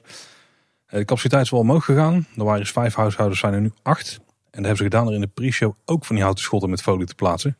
En in de hoofdshow hebben ze nu overal plexiglazen schotten tussen de banken geplaatst. Maar je had hier wel bedenkingen bij hè? Ja, nou ja, even los van dat het natuurlijk de, de beleving in de voorshows uh, natuurlijk aan gort helpt. Want je, je staat daar ook alweer in zo'n spiegelpaleis. Uh, stond ik er van de week, uh, ik stond er eigenlijk meerdere keren. En ik dacht bij mezelf van, hoe zit het hier nou eigenlijk met, met de vluchtveiligheid? Want uh, de voorshows van Villa Volta, er passen in principe 80 man in. En normaal gesproken heb je daar één dubbele nooduitgang, niks aan de hand. maar nu hebben ze natuurlijk midden in de zaal hebben ze schotten gezet. maar maar één van die compartimenten is aangesloten op de nooduitgang. De andere niet. Daar sta je in principe gewoon vast. En, en dan zeg maar het, het compartiment waar je dan wel toegang hebt tot de nooduitgang. Daar hebben ze dan weer zigzag allerlei schotten neergezet. Om er natuurlijk voor te zorgen dat er zo min mogelijk contact is tussen de huishoudens. Maar daardoor heb je in geval van brand en rookontwikkeling... heb je ook niet een logische, intuïtieve looplijn naar je, naar je nooddeur... en knal je overal tegen die schotten op. Nou, dan zit je er ook nog eens mee dat, je, dat, dat volgens mij de vluchtroute vanuit de hoofdshow van Villa Volta... die gaat voor een deel ook door, door pre-show 2. Maar die komt aan één kant ook vast te zitten. Dus ja, ik vraag mij toch ten zeerste af hoe zich uh, dit verhoudt met, met brandveiligheid en dan met name de ontvluchting van het, uh, van het gebouw. Dus ik denk dat er over na is gedacht, maar er zijn geen duidelijke deurtjes in die schotten of zo. Of... Ja, nou ja, normaal gesproken ben ik altijd degene om te zeggen van er zal wel goed over nagedacht zijn. Maar ja, ik, goed, ik heb zelf een bouwkundige achtergrond en uh, er zijn een, een aantal van die heilige regels wat je zeker niet moet doen. om maar eens een dwarsstraat te noemen, het belemmeren van een vluchtweg. Nou ja, als ik dan in die, eh, die voorshow sta, dan denk ik echt van... Jeetje, hoe, uh, hoe hebben ze dit in vredesnaam hm. bedacht? Hm. Oké. Ik, uh, ik heb me daar zo mijn twijfels over. Ik zou zeggen, alle schotten er weer uit en dan maar terug naar vijf huishoudens. Want ik heb er zo mijn twijfels bij. Wel fijn dat die internationale gasten weer deze kant op komen. heb je hem weer met zijn schotten. Ja, dat is echt te makkelijk om, in te koppen toe. En overigens waar het, waar het allemaal wat soepeler is geworden... is bijvoorbeeld bij de draaimolens op het Anton Pieckplein. Daar, eh, daar mag je in ieder geval in de vermolenmolen bijvoorbeeld weer gewoon lekker je plekje zoeken zonder dat je een vak toegewezen krijgt. En ook bij de Anton Pieckmolen zijn de touwen weggehaald zodat je weer wat meer vrijheid hebt om, om zelf een plekje te vinden. En ook het Witte Paard is weer in gebruik. Wel nog maar met een, een halve free flow. Dus je kunt nog maar aan één kantje eten halen. En natuurlijk een beperkte capaciteit binnen. maar dat vond ik eigenlijk wel een verademing. Want je kunt nu weer gewoon binnen zitten. Maar dan staan de tafeltjes allemaal veel meer uit elkaar. Dus in plaats van dat het nou zo'n volgestouwd, vochtig restaurant is met, met veel te veel mensen, heb je daar nu alle ruimte. Dus het, het, het oogt een beetje leeg en kaal natuurlijk, maar het is wel een situatie waarvan je denkt van, ha, even op het gemakje, lekker ruim zitten, lekker rustig. Chic dineren daar. Ja, bijna wel, ja. Hey, er was ook nog een bordje verschenen wat uh, wees naar de smulpaap. En die was uh, gewoon midden in een plantenbak van de dubbele laan uh, gepland. Ja, twee, twee bordjes. Volgens mij twee vrij snel in elkaar gezette bordjes. Inderdaad, met een verwijzing naar de smulpaap. Je had natuurlijk normaal gesproken in het zomerseizoen altijd dat foodcourt op de speelweide. Nou ja, daar heb je nu een, wat zal het zijn, een, een toiletcourt dan. Ja, een bisplein. dus misschien dat ze daarom er nu voor hebben gekozen om een extra verwijzing in de plantenbak te zetten richting de smulpaap. Maar dat was inderdaad een, een vrij simpel geprint bordje, of eigenlijk twee geprinte bordjes zijn het, op een simpele groene ijzeren paal. En ja, dat past qua stijl natuurlijk totaal niet bij de omgeving daar. Uh, er zijn zat voorbeelden te bedenken van hoe het ook had gekund. Denk bijvoorbeeld aan die mooie nieuwe subtiele stalen frames hè, met die schildjes erin. maar bijvoorbeeld ook op het, het, plein voor de smulpaap heb je van die prachtige houten bordjes in de smulpaapstijl. En, de, en de piekstijl, die hadden hier ook prima gekund. Maar ik denk dat dit een semi-permanente oplossing is. Snelle halen vlucht thuis en dat het daarom een wat goedkopere variant is. Dus ja, aan de ene kant, ik ben het eens met die ophef dat het er niet uitziet. Aan de andere kant, het zijn bijzondere tijden. De Efteling moet op de, de kleintjes letten. En uh, ja, of je dan hier inderdaad in een prachtig gethematiseerd houten bord moet investeren op dit moment. Ik snap het ergens wel. En als je het zo hoort, dan, dan merk je wel dat ze nog steeds aan het investeren zijn in verbeteringen van vooral de capaciteit. Ook de veiligheid in een aantal gevallen. Ja, en daarbij sneuvelt af en toe de beleving voor een deel. Maar dat is het compromis wat je moet sluiten als je in deze tijd naar een uitje als de wil gaan, denk ik. En al met al eh, gaat het wel steeds meer de goede kant op. Al moeten ze, denk ik, niet de capaciteit nog veel verder opschroeven dan nu. En dan bedoel ik de mensen die ze toelaten tot het park. Want ik heb, ik heb het echt wel het gevoel dat op de pleinen en op de paden af en toe net iets te druk is. Ja, ik, ik merk dat ik daar zelf minder moeite mee heb. Voor mij voelt het vooral alsof het weer steeds meer terug naar een soort van normaal gaat. Ik heb meer, dan toch meer moeite met, met mensen die, uh, die zich niet aan de regels houden. Of in ieder geval uh, onvoldoende rekening met elkaar houden als we dat iedereen zou doen, dan zou het geen issue zijn, denk ik hoor. Ja, nee, daar heb je ook alweer een punt inderdaad. Dus nogmaals, laten we dat met z'n allen wel gewoon doen. Geef iedereen gewoon de ruimte die, uh, die ze nodig hebben. En laten we verder vooral gewoon zoveel mogelijk genieten van de Efteling. En laten we ook een beetje begrip opbrengen voor het bedrijf de Efteling. Uh, wat gewoon aan damage control doet. Dus zo min mogelijk geld wil uitgeven. Maar tegelijkertijd de veiligheid en de gezondheid op prio 1 heeft staan. Dus laten we ook een beetje eh, proberen mee te denken met de Efteling waarom ze bepaalde beslissingen nemen. Dan eh, gaan we het hoofdstukje corona voor deze week afsluiten, Tim. En dan eh, gaan we door naar een, een luistertip. En denk je, een luistertip? Ja, een eh, grote luistertip. Ja, want meestal doen we luistertips een beetje geven aan het eind van de aflevering. Maar deze is toch wel echt de moeite om even aan te halen. Loopings die had een, eh, een interview met Sander de Bruin, hoofdontwerper van Efteling. Dat is volgens mij zijn titel op dit moment. Nou, volgens mij heet hij dan tegenwoordig eh, Team Lead Ontwerp, zoals dat dan heel chic heet. Maar uiteindelijk eh, betekent dat inderdaad gewoon hoofdontwerper. Het concept was op zich wel tof. Iedereen kon vooraf vragen sturen voor Sander. En eh Wessel van Loopings die ging die dan stellen aan Sander. Heel tof interview geworden met heel veel antwoorden waar ik toch wel blij van werd. Ja, ik heb ook echt zitten smullen, 40 minuten lang. De vragen gingen van, van heel erg inhoudelijk van wat vind jij nou Eftelings en waar haal je inspiratie vandaan? Tot, eh, tot zaken als wat is je favoriete bier? dat vond ik wel heel tof, die variatie die erin zat. Eh, en je kreeg eigenlijk in, in redelijk beperkte tijd toch een heel mooi beeld van, eh, van de persoon Sander, de ontwerper Sander, het ontwerpproces van een aantal attracties. En ook een beetje zijn, zijn carrière, zijn levensloop bij de Efteling.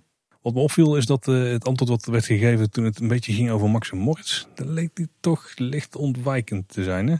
Hij zei het daar best mooi diplomatiek dat hij het goed uitgepakt vond hebben. Ja, inderdaad. Dat, eh, dat, dat zal wel van tevoren ingestudeerd zijn, denk ik. Dat is natuurlijk ook, een- was natuurlijk ook een lastige vraag.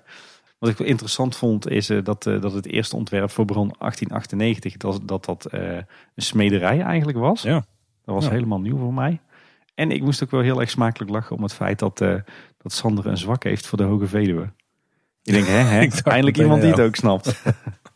Wat ik wel heel eh, mooi vond om te horen is hoe eh, het ontwerpteam zich nog bezighoudt met, met het eh, creatief gedachtegoed van de Efteling. En ook eh, met de historie die ze hebben en de manier waarop eh, de Efteling vindt dat attracties aangepakt moeten worden. Dus Eh, dus al met al voor, voor mij een hoogtepuntje. En ik denk als je Kleine Boodschap luistert, moet je ook zeker even de, de Loopings podcast luisteren. Want dit was echt een heel tof interview. ja, zeker, zeker luisteren.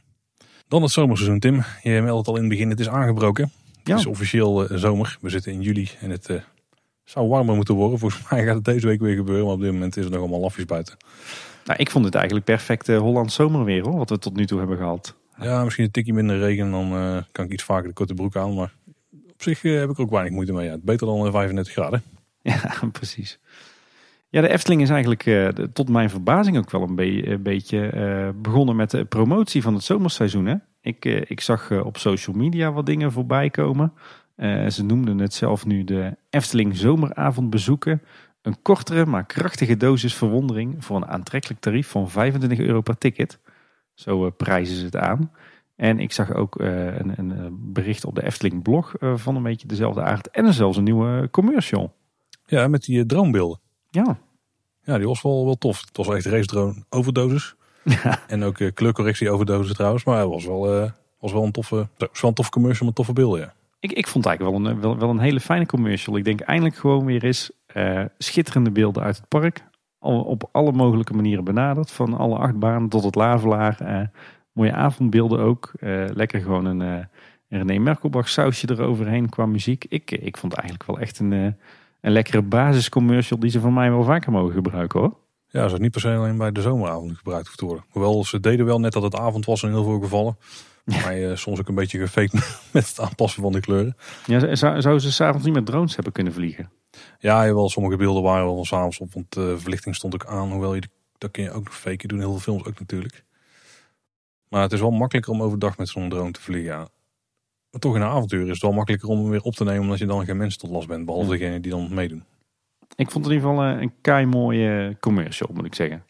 En als we dan een beetje kijken wat er gebeurt met de, de zomerperiode, dan is het niet per se heel bijzonder. Het entertainment overdag en s'avonds is eigenlijk identiek.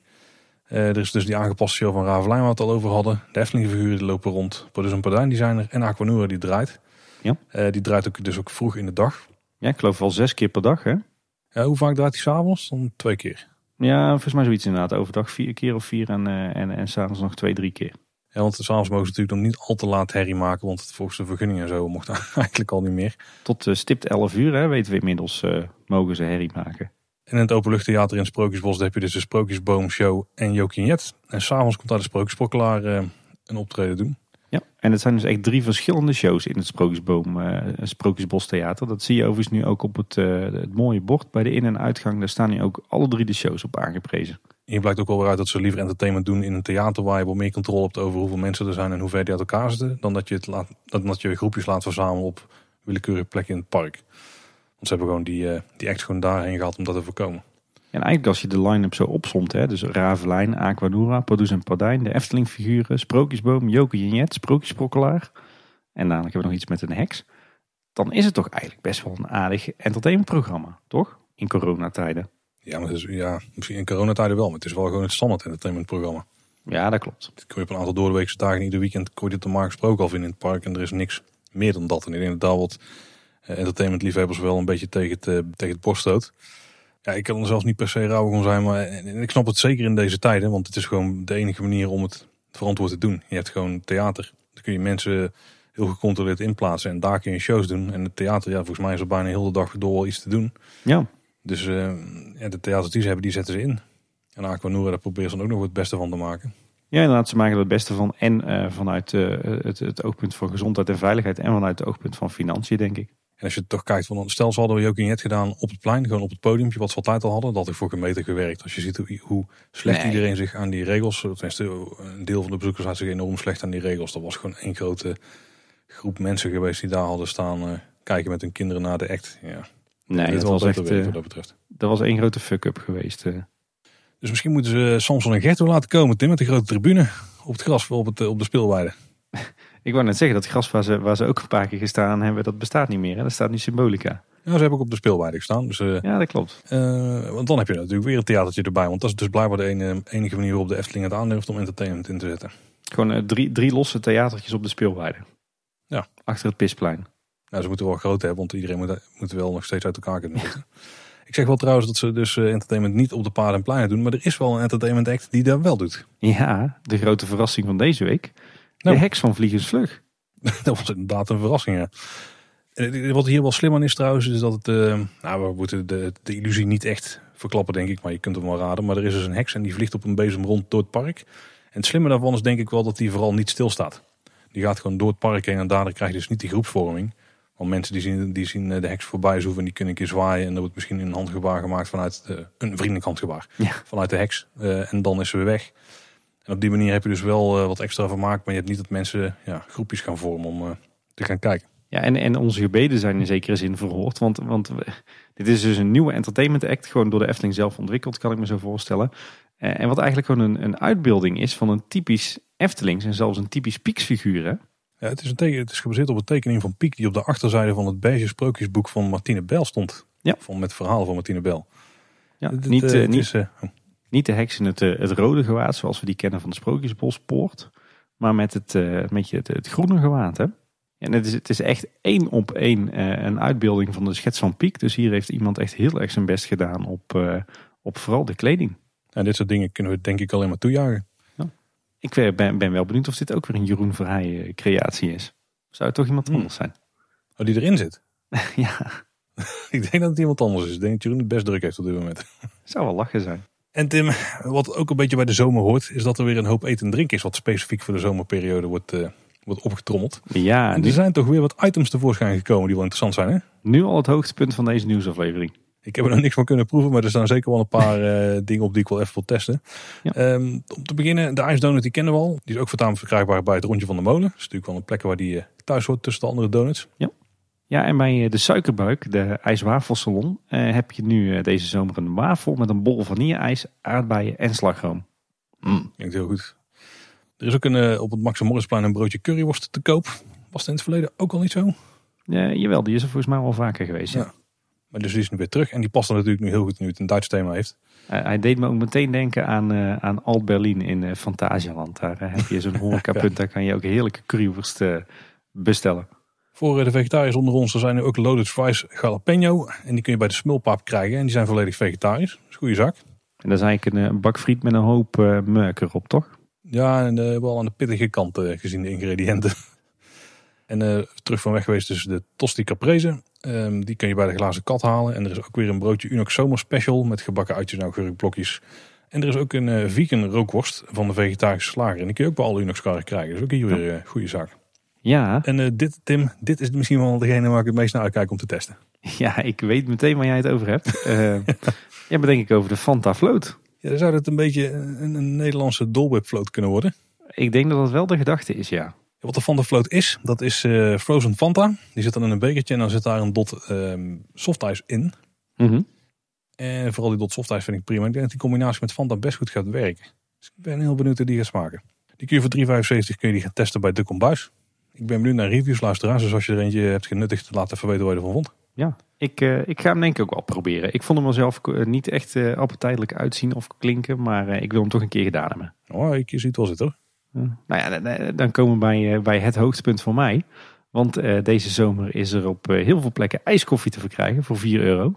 Namelijk bij Fabula, bij de Kombuis, bij Polles Keuken, bij Panorama, bij de Rustende Reiziger, bij de Silent Vergat en bij Kogeloog. En bij Kogeloog wordt die dan echt gemaakt van, van schepijs met koffie. En op de andere plekken is het, is het van dat crushed ice met, met koffie. Ja, dat kan ik alleen maar toejuichen, want er is nooit te veel ijskoffie op de wereld. Nee, zou het? Ik denk zelfs als je, stel ik zou doodgaan en je zou in de zomer sectie op mij plegen, dan stroomt er geen bloed uit mijn aderen, maar ijskoffie.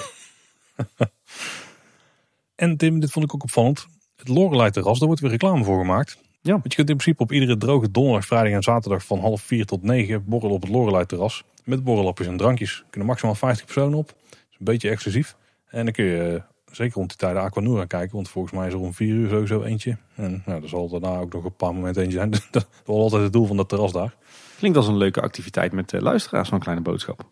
50 man, ja. ja. Wel op eigen kosten dan, hè? Als in die van ons. Ja, nee, precies. En anderhalve meter afstand. En voordat we mail gaan krijgen, ik weet dat het Lorelei terras er al langer is dan dat Aquanura er is. Komt goed. Even, Paul, even uh, gewetensvraagje. We hebben hier zo uh, in het draaiboek even het lijstje voor ons staan. Wat zijn uh, bij jou nou de items waar je het meeste naar uitkijkt? Ja, dat is toch die, ehm, die Fanta Float. Zoet, softijs, klinkt goed. Nou, ik ga voor de, de, de wafel met het ijs, de aardbei en de slagroom. de tosti caprese, dat is toch wel een favoriet van mij. En de ijskoffie. Meer ijskoffie. Je hebt gewoon een hele maaltijd samengesteld. Ja. Als je er eentje moet kiezen? Uh, ijskoffie. maar die is er altijd. Oké, okay, mooi. Dat is gewoon een standaard te vragen op alles in de zomer, Paul. Ijskoffie. Oké, okay. dus uh, waar ga je naartoe op vakantie? ijskoffie. Dat moet er gewoon zijn. Klinkt wel spannender dan Drenthe, maar goed. Dat is weer een ander verhaal. Hey, Tim, Jokie en Jet, die, uh, gaan, die, die gaan Nederland veroveren, denk ik. Ja, inderdaad. Op allerlei mogelijke manieren. Het is een, ineens crossmediale storytelling, zoals Philip zou zeggen. Ja, zullen we beginnen met het, met de theatershow. Want ja. Jokie en Jet gaan op tournee. Deze zomer gaan ze theaters in Nederland aandoen met een musical. Jokie en Jet reizen is een feestje. En doet een familiemusical uh, voor kinderen vanaf twee jaar en dat gaat 50 minuten duren. En het is, ze maken een reis om de wereld. Ze doen allerlei landen aan, volgens mij een zestal landen. En in ieder land is er volgens mij een cadeautje wat, wat, wat ze moeten verzamelen. En ze doen natuurlijk de bekende liedjes die wij allemaal kennen van YouTube. En ook altijd luidkeels meezingen als we in de wachtrij van Carnaval Festival staan. Daar wil ik een keer video van zien. Het toneel start op 15 augustus en ze beginnen in Theater de Leest in Waalwijk. Een musical die gaan ze meerdere keren per dag opvoeren, zodat het plek is voor iedereen. Want het mogen natuurlijk niet, ze mogen ook daar niet het hele theater vol laaien. En tot begin mei 2021 kun je, ja, kun je de show gaan zien in verschillende theaters. En wat me opviel is dat er weer aardig wat bekende namen meewerken. Robert Jaap Jansen is weer de art director. Carla de Kroon die zorgt voor de kleding. Wim Dreesens voor het licht en René Merkelbach voor de muziek.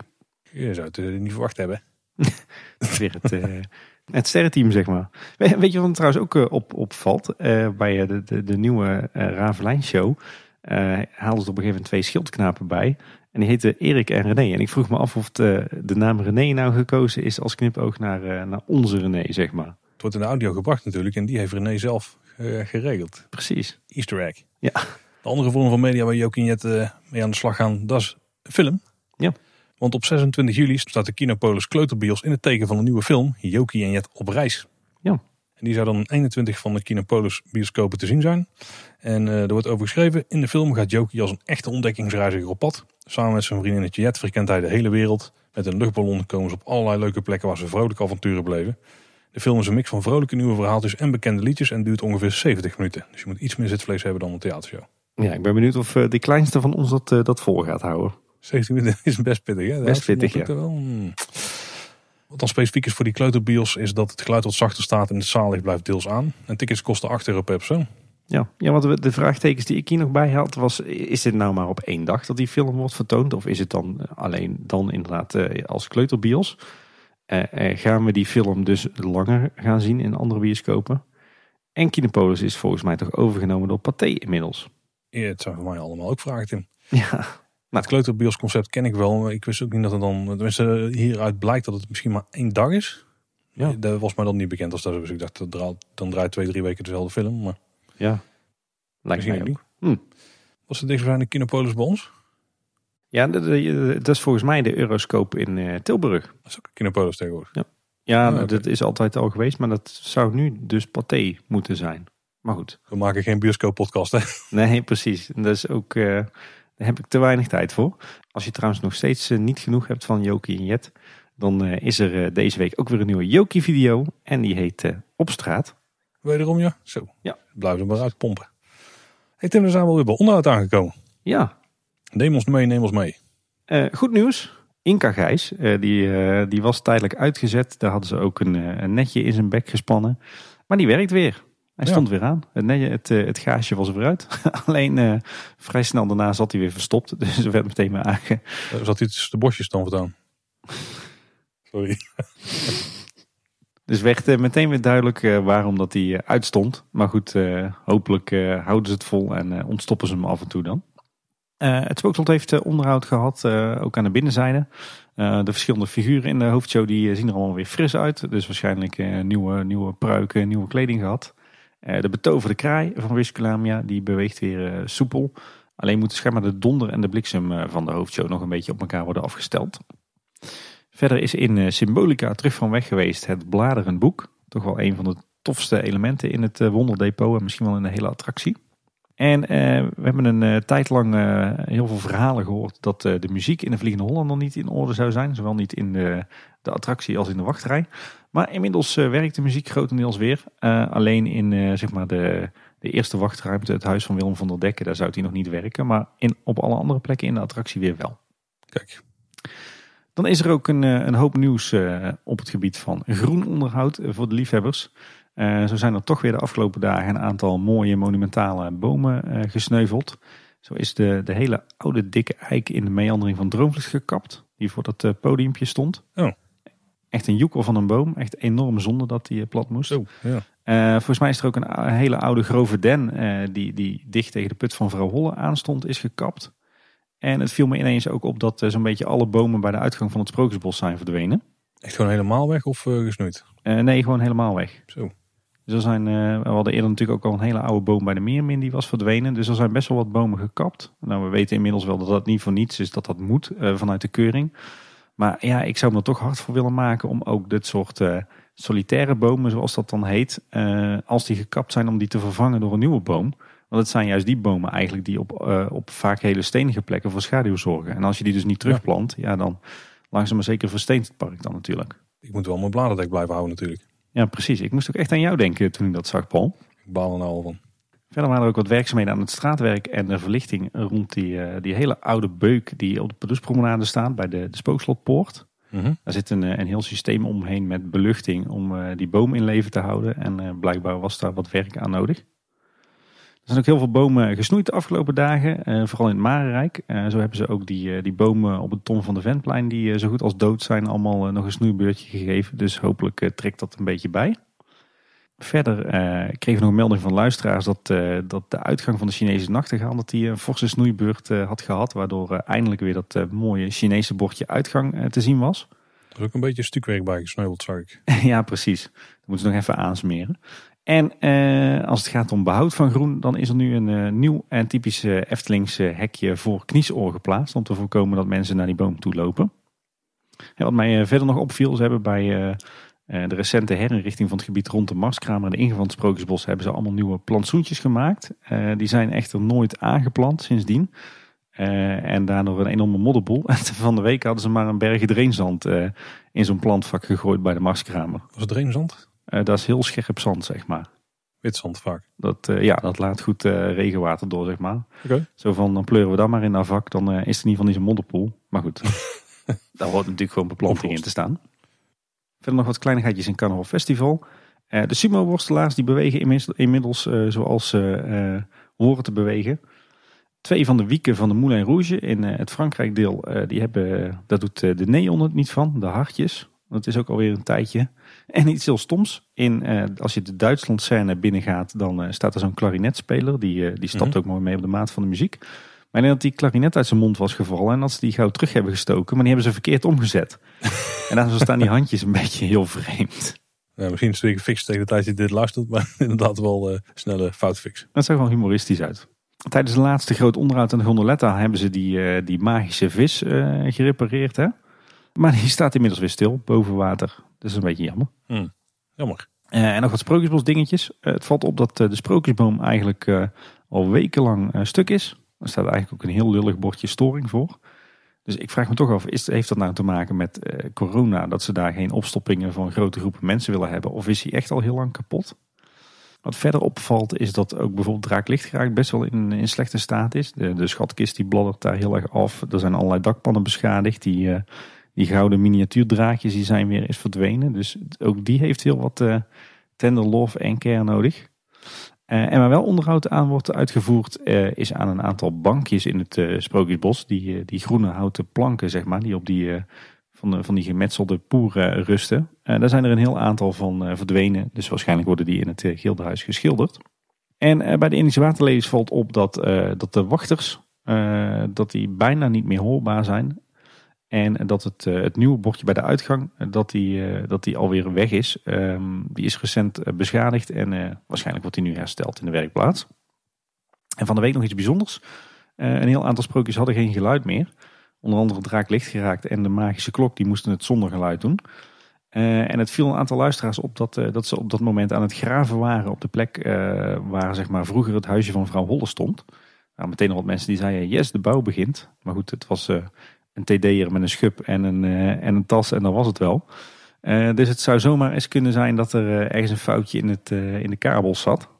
Want we weten natuurlijk ook dat daar enige tijd geleden dat er allerlei datakabels dat huisje binnen werden gebracht.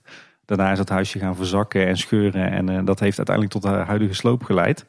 Maar wellicht dat daar dus ergens in de grond iets fout zat in de bekabeling of in de aansturing van de muziek. Want het was verdacht stil in het bos. Er staat nu nergens een kast daar of zo, waar die kabels aan uitkomen. Dat gebeurt allemaal onder de grond. Ik denk dat het allemaal onder de grond zit, ja. Daar hebben ze volgens mij ook wel iets van een kistje getimmerd of zo. De nieuwe onderhoudskalender die is inmiddels ook bekend. Is voor de tweede helft van 2020. Er staan eigenlijk niet zo heel veel opzienbare dingen op. De langste sluiting is Piranha. Want die is de hele winter gewoon dicht van 2 november tot en met 31 maart. En de andere zaken die erop staan zijn Fata Morgana. Die gaat van 31 augustus tot en met 11 september dicht. Dus ongeveer twee weken. Gondoletta gaat dicht van 14 september tot en met 25 september. Dat is ook ongeveer twee weken.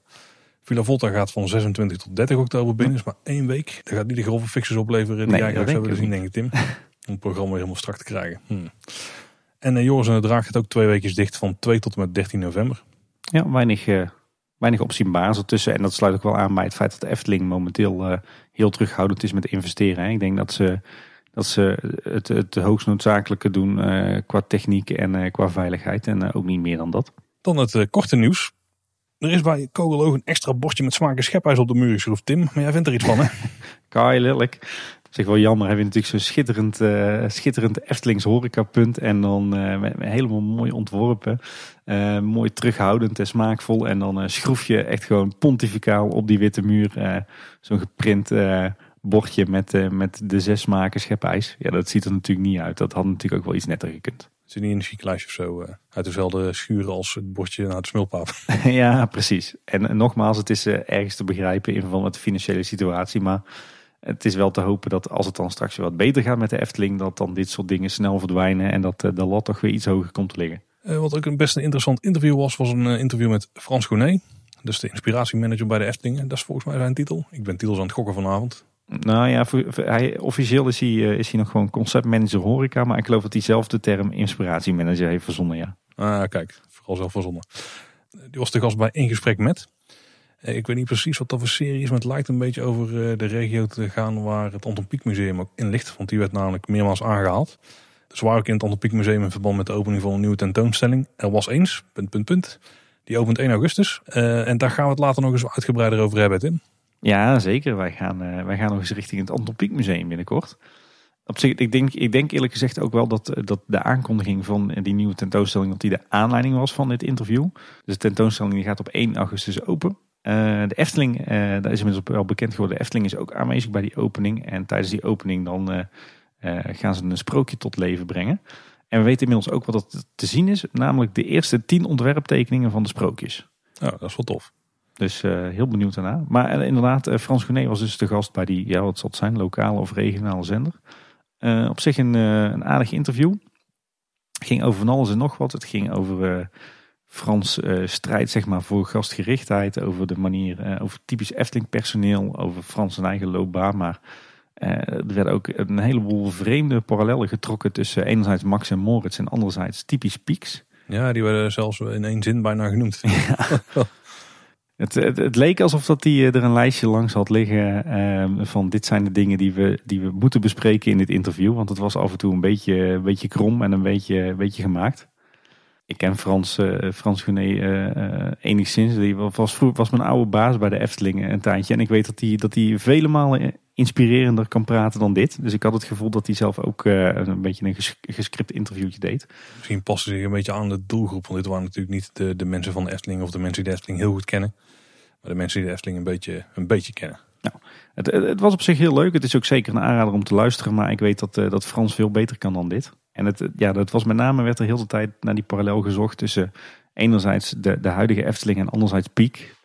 En dat kan natuurlijk ook prima, maar dan moet je niet alles tot met de haren bijslepen. Nee, het ging natuurlijk ook over uh, het Anton Pieck Museum. Dus ja, ik denk dat dat wel heel uh, dat de rode draad was. Dus daarom het steeds op teruggegrepen. Nou ja, in ieder geval eh, binnenkort dus veel meer over Anton Pieck en het Anton Pieck Museum bij eh, Kleine Boodschap. Maar uh, nog even een zomergeduld. We, we, blijven met de aanraders komen. En ook deze die waren niet tot het einde van de aflevering. En dat is namelijk het interview wat Afterpark langs had met Maarten Hartveld.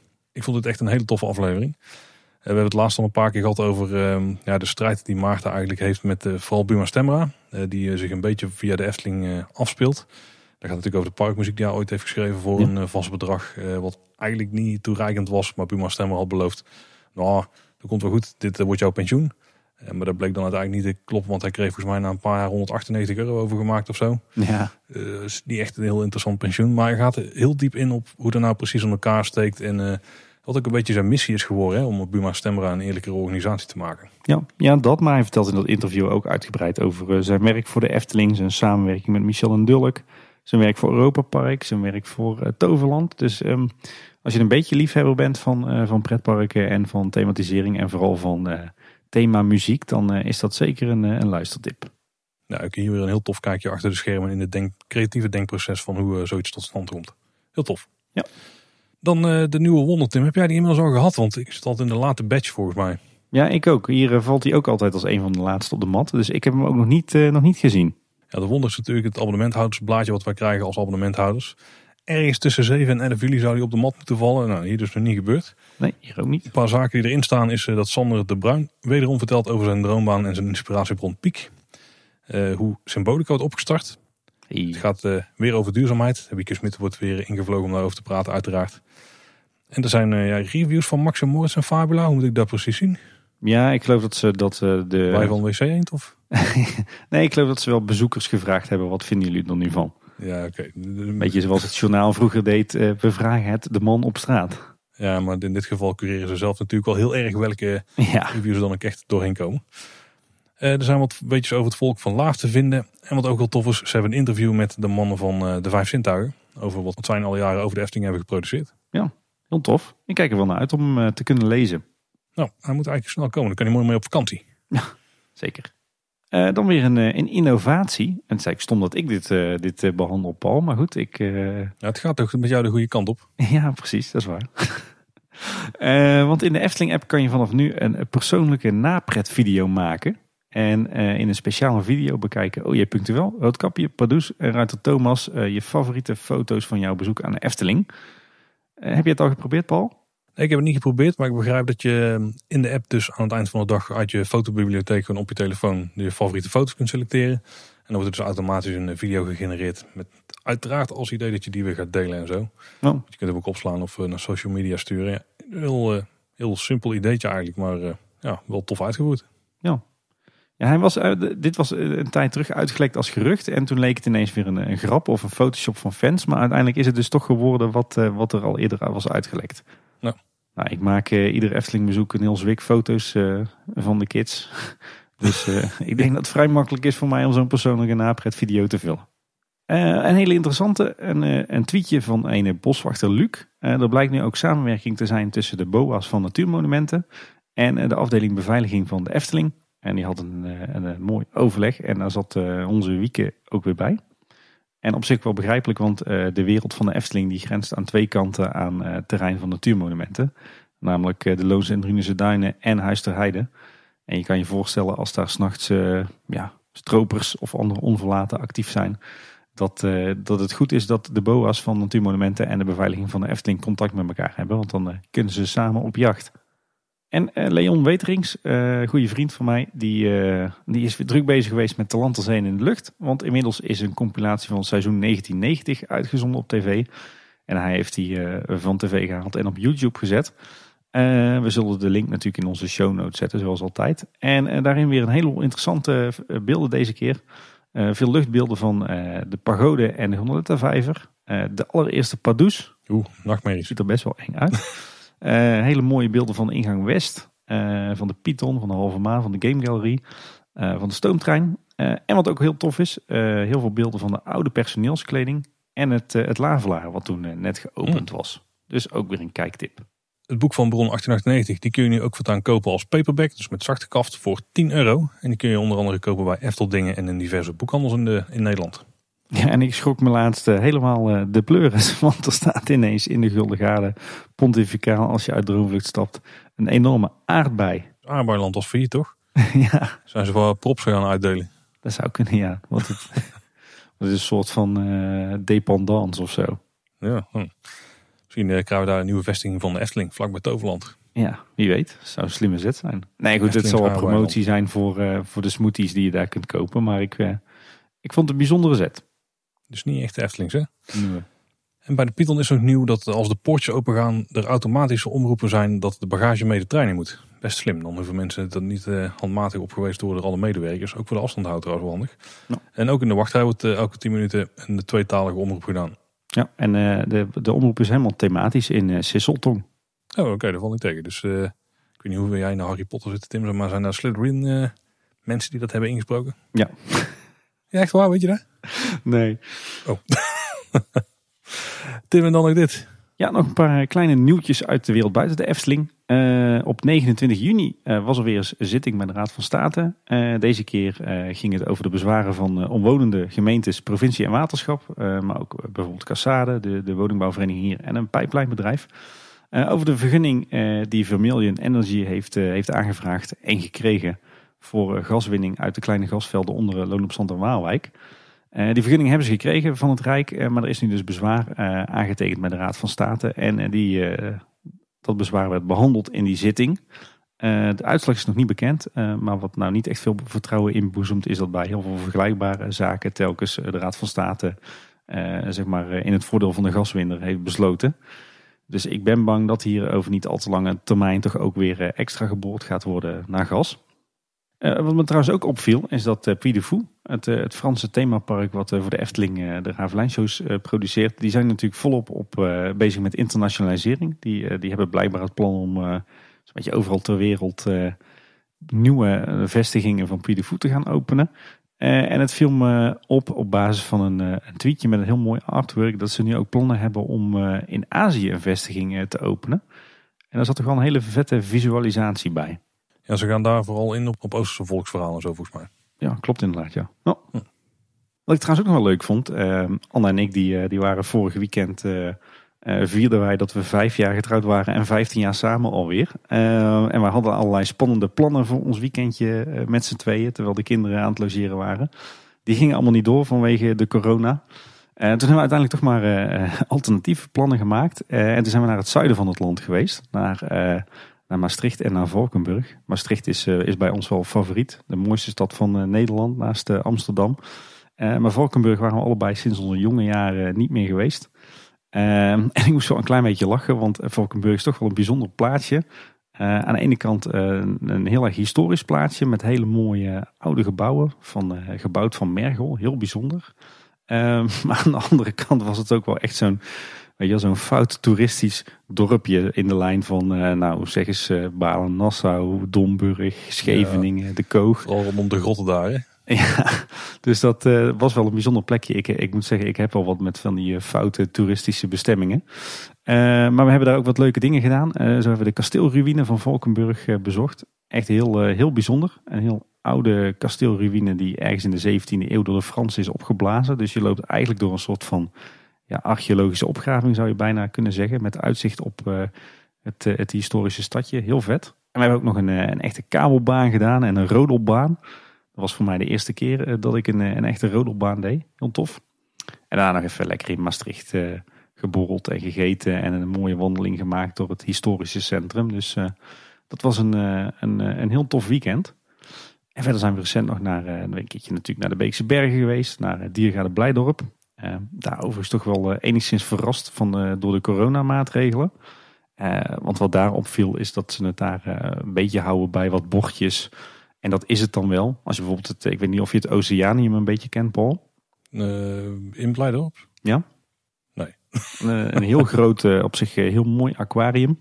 Maar dat was gewoon een vrije inloop. Dus daar liepen gewoon hele volkstammen een aquarium eh, in. Oh. En dan binnen was het gewoon met z'n allen op een kluitje. Dat was dan wel enigszins wrang. Dat dat dus wel mag en dat Efteling zoveel moeite moet doen om al die maatregelen te nemen. Maar goed, ook prima dagjes gehad. En ja, de zomer komt eraan, dus we hebben nog allerlei leuke plannen. zo gaan we binnenkort eindelijk weer eens naar het Openluchtmuseum. staan er ook bezoekjes aan Walibi Holland uh, op de planning. En uh, als we dan straks uh, op vakantie zijn in Drenthe, dan hebben we daar ook allerlei toffe bestemmingen in eigen land om te bezoeken. Dus daar kijken we wel naar uit. Het is niet zo spannend als onze plannen om naar Zweden op vakantie te gaan. Maar we maken er gewoon wat van en we gaan gewoon wat toeristische bestemmingen in eigen land bezoeken. Kijk. Um, nog wat leestips. Anne, mijn Anne, die heeft weer een leuke blog geschreven. Deze keer over een peuterproof citytrip naar Parijs. Die sluit mooi aan op onze aflevering van de buitenwereld die we over eh, Abu Dhabi en Parijs hebben gemaakt begin dit jaar. Ik weet trouwens niet, Paul, gaan wij ook een, eh, een aflevering van de buitenwereld maken naar aanleiding van onze vakanties van dit jaar in eigen land? Het ligt eraan hoe interessant het is, maar dat wil ik dadelijk wel even bij mij dan, en dan ditjes uh, aanhalen. Ah, kijk, een mooie, mooie cliffhanger, Paul. En een andere leestip, ik heb hem al een paar keer genoemd, maar ik, ik, ik, het blijft smullen. als je iets hebt met, met, met de geschiedenis van pretparken, het, het, ontstaan daarvan, dan moet je echt gewoon die Amusement Park van Steven Silverman kopen. Want wat is dat een fenomenaal boekbal. Ik verlies me daar echt volledig in. Zo fantastisch. Ook heel veel Coney Islands en zo die erin langskomen. Ja, inderdaad. Heel veel, heel veel Coney Island. Heel veel, zeg maar, allemaal die, die amusementsparken langs de Amerikaanse kust. Zo rond eind 19e, begin 20e eeuw. Dus als je, als je nou echt wil weten van hoe is nou eigenlijk die themapark- en pretparkindustrie ooit ontstaan en hoe heeft zich dat nou ontwikkeld, ga echt uh, die Amusement Park uh, lezen, want uh, ontzettend tof. En als we het dan toch over leestips hebben, dan wil ik ook nog even luisteraar Ralf bedanken. Die stuurde ons een heel tof pakketje op. Met onder meer een, mooie kaart van Putteloor en een lekkere reep chocolade. Maar ook een exemplaar van het boek Op weg naar ooit de autobiografie van Mark Dominiau, oud-directeur van de Efteling en natuurlijk ook grondlegger van Het Land van Ooit. Uh, dat boek had ik nog niet. Daar hebben wij het volgens mij ook over gehad in onze boekenspecial met Erwin Taats. En hij was zo aardig om dat boek op te, op te sturen. En ik heb er inmiddels al wat Efteling gerelateerde passages uit gelezen. En daar staan toch ook wel echt een aantal dingen in om van te smullen. Want die man die geeft toch echt wel een schitterend inkijkje in het bedrijf Efteling in de jaren tachtig. En alles wat er dan zo in het bestuur en in de directie gebeurt. Dus uh, ook uh, hele interessante lectuur. Maar goed, Ralf, ontzettend bedankt voor jouw uh, toffe cadeautjes. En dan wil ik ook luisteraar Martin bedanken. Want die heeft ons namelijk een flinke fles Gorbelair opgestuurd. En die gaat ons goed smaken. Dankjewel Martin. Komt helemaal goed. Daar worden heel wat afleveringen op gemaakt, denk ik. Ja, we hebben wel onderhandeld. Hè? De show klaar is voor mij en de Gorbelair is voor jou, toch Paul? Ja, die blijft aan deze kant van Kaatsheuvel. Ja. ja, dat is het dan even wat we nu dan moeten doen. Hè. Helaas. En heb jij nog, en dan nog ditjes, Paul? Nou, eigenlijk niet echt, maar um, wat ik even wilde aanhalen, waar ik net naar hinten is, uh, er komen uiteraard wel weer een keer buitenwereld afleveringen aan. Ehm, maar wij hebben nou een camper. En ik moet zeggen, toen we voor de eerste keer de campervakantie gingen, vonden we dat best wel spannend. ik vroeg me eigenlijk af dat er animo is om nou eens een keer gewoon voor de beginners door te nemen hoe zo'n vakantie eraan toe gaat. En waar je aan moet denken en, hoe zoiets werkt, zeg maar. Want het is, wel, het is wel iets anders dan dat je in je eigen auto stapt die je goed kent en dan van alles gaat verkennen en gewoon slaapt in hotels of weet ik veel. Dus mochten mensen er interesse in hebben, laat even weten. Dan kunnen we daar misschien ook ooit een keer een aflevering over maken. Klinkt goed. Uh, wat zijn jouw vakantieplannen voor deze zomer dan, Paul? Nou, die schommelen alle kanten op. Maar op dit moment lijken we enigszins gelokt op uh, Frankrijk. Ja. Dus dat we richting Bretagne en Normandië gaan. En dan, uh, dat is het enige wat we nu toe enigszins een soort van gepland hebben. Want we zijn natuurlijk heel flexibel nou. En dan willen we nog iets verder naar het zuiden afzakken. En dan kijken we wel of we komen. Het zou mooi zijn als we de Zuidoostkust halen. Dus richting Nice en, en, de kust daar. Maar ik denk dat dat iets te ambitieus is voor de tijd die we hebben nu. En ook voor hoeveel we willen zien in Normandië. Want er is stiekem heel veel te zien. Dus jij gaat uh, naar de, naar de D-Day stranden en naar Mont Saint-Michel en naar Saint-Malo en dat soort plekken? Ja, absoluut. Die staan allemaal op het lijstje, ja. Kijk aan. Nou, dan, moeten we, dan, dan moeten we ook maar tegen die tijd even op terugkomen op jullie avonturen daar. Als het niet doorgaan, want er beginnen steeds meer rode coronavlekjes weer te komen op allerlei kaarten. Ze zijn ook heel klein gelukkig. En ik denk dat die uh, vooral de man die de taal nog gewoon mee zal vallen. Uh, met hoe, uh, hoe erg het daar weer terugkomt. Maar de, ja, daar zijn we wel enigszins bedacht op dat het zou kunnen dat het niet doorgaat. En dan gaan we ook gewoon een rondje Nederland doen of zo. Dus we hebben allerlei alternatieven. We hebben al heel veel verschillende plannen gehad. Maar het lijkt nu wel enigszins gestrand te zijn op Frankrijk. Want ja, voor een aantal weken gaan we. Dus we moeten ook wel beslissingen gaan nemen. Gestrand zegt hij ook gewoon hè. Ja, ja, ja. En het, uh, het lijkt ook al steeds meer op dat het ook echt door kan gaan. Wat ook wel prettig is bij een vakantie. Nou tof. We gaan uh, na onze, na onze zomerperiode. Dan komen we erop terug wat we hebben gedaan. Tim, we hebben warempel nog tijd voor een reactie van een luisteraar. We hebben een voiceclipje gekregen van eh, Rick van Overheem. Zullen we eens even gaan luisteren? Ja. Hallo Paul, Tim, hier zijn Rick. En Dara. Wij zijn momenteel bij de avondopenstelling in de Efteling en hebben een aantal ritten symbolica achter de rug. Wij zijn niet helemaal into het verhaal van Pardoes, maar we denken dat we het complete plaatje hebben van symbolica. Het verhaal dan. Kan het niet zijn dat Pardoes in elke scène zijn magie terug probeert te vinden of probeert te krijgen. En dat dat niet overal goed gaat, zoals bij de fabelvis, omdat dan die scène kapot gaat. En dat hij in de laatste scène zijn magie weer teruggevonden heeft, omdat daar alles in één keer goed gaat met de magie. En dat hij, dat hij daar ook zijn jas aan heeft, die lange uh, paarsblauwe jas. En in alle andere scènes heeft hij dat niet. En dat viel ons heel erg op. Dus we waren benieuwd, wat is jullie mening over onze mening van Symbolica? In ieder geval heel erg bedankt voor alle afleveringen van Kleine Boodschap. En uh, veel plezier nog. Doei. Doei. Hallo. Ja, Rick, ik denk dat jullie misschien wel een beetje veel aan het zoeken zijn achter het symbolica verhaal. Het zou best kunnen dat er een soort um, impliciete tweede laag in zit. Maar ik heb hem zelf zo nog nooit eruit gehaald. Nee, volgens mij is het, het verhaal eigenlijk gewoon heel simpel. Uh, Pardoes neemt je mee op een uh, soort van clandestine tour door het paleis. Uh, waarbij je allerlei avonturen meemaakt. En volgens mij is dat een beetje het verhaal. Ja, de, de, de mantel van Pardoes ja, volgens mij heeft hij die uh, in die andere scènes gewoon niet aan, omdat dat niet heel praktisch is.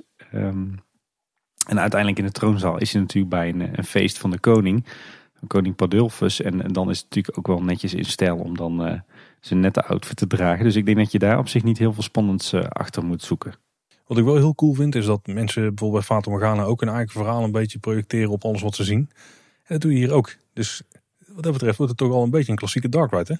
Ja, absoluut ik moet zeggen, ik vond op zich ook wel een, een creatief eh, bedacht verhaal uh, inderdaad. Dus uh, wie weet. Dankjewel in ieder geval voor je toffe, toffe voiceclip. Ja, zeker bedankt. En we kregen ook nog een mailtje van Bob. Bob die schreef, ha mannen. Eerdaags had ik dit over dingen die je mocht toevoegen aan de wereld van de Efteling. Ik had ook een idee en ik hoor graag jullie ongezouten mening erover. Mijn plan komt voort uit een bezoek aan Puy de Fou. Een van de beste parken waar ik ooit ben geweest. Misschien wel het beste. Ravelijn verbleek bij de gigantische shows die de acteurs en makers daar opzetten. Schepen die uit het water komen opzetten, bemand en wel, geen probleem. Walkthroughs waar je het gevoel krijgt dat je op een krakend en schommelend schip zit, doen we gewoon. En wat ze ook in Puy de hebben, en wat ik zo naar de Efteling zou willen teleporteren, is een diner waar jij als gast aanschuift en het theater om je heen plaatsvindt. En dan een flinke stap verder dan de bekende familie Vermeer of de platte dinnershow. Denk aan een ruimte waar de koningen uit Game of Thrones jaloers op zouden zijn en waar je flinke kip van het spit op kan peuzelen en om je heen het spel. Dat begint als je binnenkomt en eindigt als je de zaal weer verlaat. Misschien een oud-Brabants verhaal wat zich hiervoor leent? Ik denk dat zoiets een goede toevoeging zou zijn. Wat jullie? Nou Bob, ik denk dat het absoluut een, zeker een goede toevoeging zou zijn. Ik denk het ook ja. Ja, er zijn ook wel ooit plannen geweest in die richting. Denk bijvoorbeeld aan de oude plannen voor het uitrijk, wat een beetje rond eh, de Vondelplas zou gaan plaatsvinden. Daar zou ook een, uh, zouden ook wat restaurants uh, zijn, wat thema-restaurants met tafelbediening. Waar volgens mij ook wel wat, wat entertainment en wat dinnershow elementen in zaten. Ja, zeker. Daar, was, was volgens mij een beetje geïnspireerd op die Adventure Club die in ehm, Walt Disney World zat. Volgens mij toen nog op hoe heet dat toch? Dit is niet onze pot, dit is niet onze, ons onderwerp, maar daar had je ook een, een café met uh, eigenlijk live uh, theater om je heen. Daar zat je gewoon te eten en dan om je heen begonnen mensen in één keer op tafels te springen en uh, liederen te zingen en zo. Dus mensen die net deden dat ze gasten waren, maar dan eigenlijk de acteurs waren. En zulke plannen hadden ze inderdaad ook in de Efteling om daar iets mee, mee te doen. Ja, en in, in zekere zin zijn Polles Keuken en zeker ook het wapen van Ravelijn daar natuurlijk al een beetje een eerste aanzet toe. Hè? Het, het horecapersoneel daar speelt al wel een klein beetje een rol. Bij het wapen van Ravelijn uh, word je ook echt zelf in een bepaalde positie gemanoeuvreerd. Hè. Er wordt één iemand gekozen in het gezelschap uh, die de aanvoerder is en die, uh, die de kip mag gaan halen. En die krijgt ook een, een, een slap om volgens mij, kan ik me nog herinneren. Alhoewel, die laatste keer dat ik in het wapen van Ravelijn uh, heb gegeten, heb ik volgens mij twee flessen wijnsoldaat gemaakt. Dus uh, kan zijn dat dat uh, iets rooskleuriger in mijn gedachten voortleeft dan het werkelijk was. Um, dus nee, dat zijn denk ik eerste aanzetten. Er waren ook plannen die richting op. En ja, ik kan alleen maar voor zo'n goed idee zijn. Ik zie dat helemaal voor me. Of in het Efteling Park, of zeker ook ooit nog een keer in het, het Uitrijk. Laat maar komen. Ja, zeker. Ik denk dat Bob eh, op best wel grote schaal denkt. Dus dat wel heel veel stappen verder dan wat ze nu bijvoorbeeld bij Ravelijn doen. Ja. Of bij de Waven van Ravelijn doen. Maar uh, ik ben ook zeker voor. Ja, lijkt me heel tof. Niet om daar nou iedere week naartoe te gaan, maar gewoon voor één keertje lijkt me zoiets wel, uh, wel prima. Ja, misschien dat je inderdaad ook meer in, in de, de proporties moet denken van de familie Vermeer. Zoals die vroeger in het café-restaurant plaatsvond. Dan echt een enorme dinnershow. maar er, er, zijn best wel wat, wat thema's denk ik voor te verzinnen. Dat denk ik ook. Ja hebben nog een, eh, een korte vraag van uh, Efteling Fan 2020. Die vraagt aan ons: Zou Pippi Langkous in de Efteling passen? Oei. Uh, mijn eerste, mijn onderbuikgevoel zegt nee. Maar dat is vooral omdat ik helemaal niks met de IP heb. Oh, ik heb des te meer met dat IP. maar ik denk dat Pippi Langkous niet in het huidige Efteling Park zou passen. Qua, qua thema, denk ik, en qua verhaal. Ik uh, zie het wel als een, een verhaal wat, uh, wat bijvoorbeeld zou kunnen passen in een, uh, in een second gate. Mocht de Efteling die ooit nog gaan bouwen met, met allerlei IP. Denk aan, aan Jip en Janneke, Bosje en Adriaan.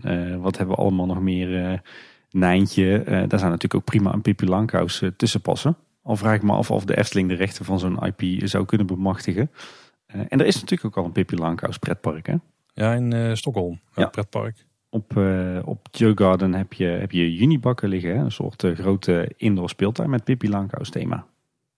Dus nee, in de, in de huidige Efteling zeker niet. Maar misschien als Efteling ooit nog eens een, een IP-based second gate zou gaan bouwen. Dan zou dat daar misschien wel kunnen passen. Maar goed, er komt binnenkort ook een, een aflevering online over wat wij wellicht als geschikte second gate bij de Efteling zouden zien. Dus wie weet komt die daar nog eens voorbij.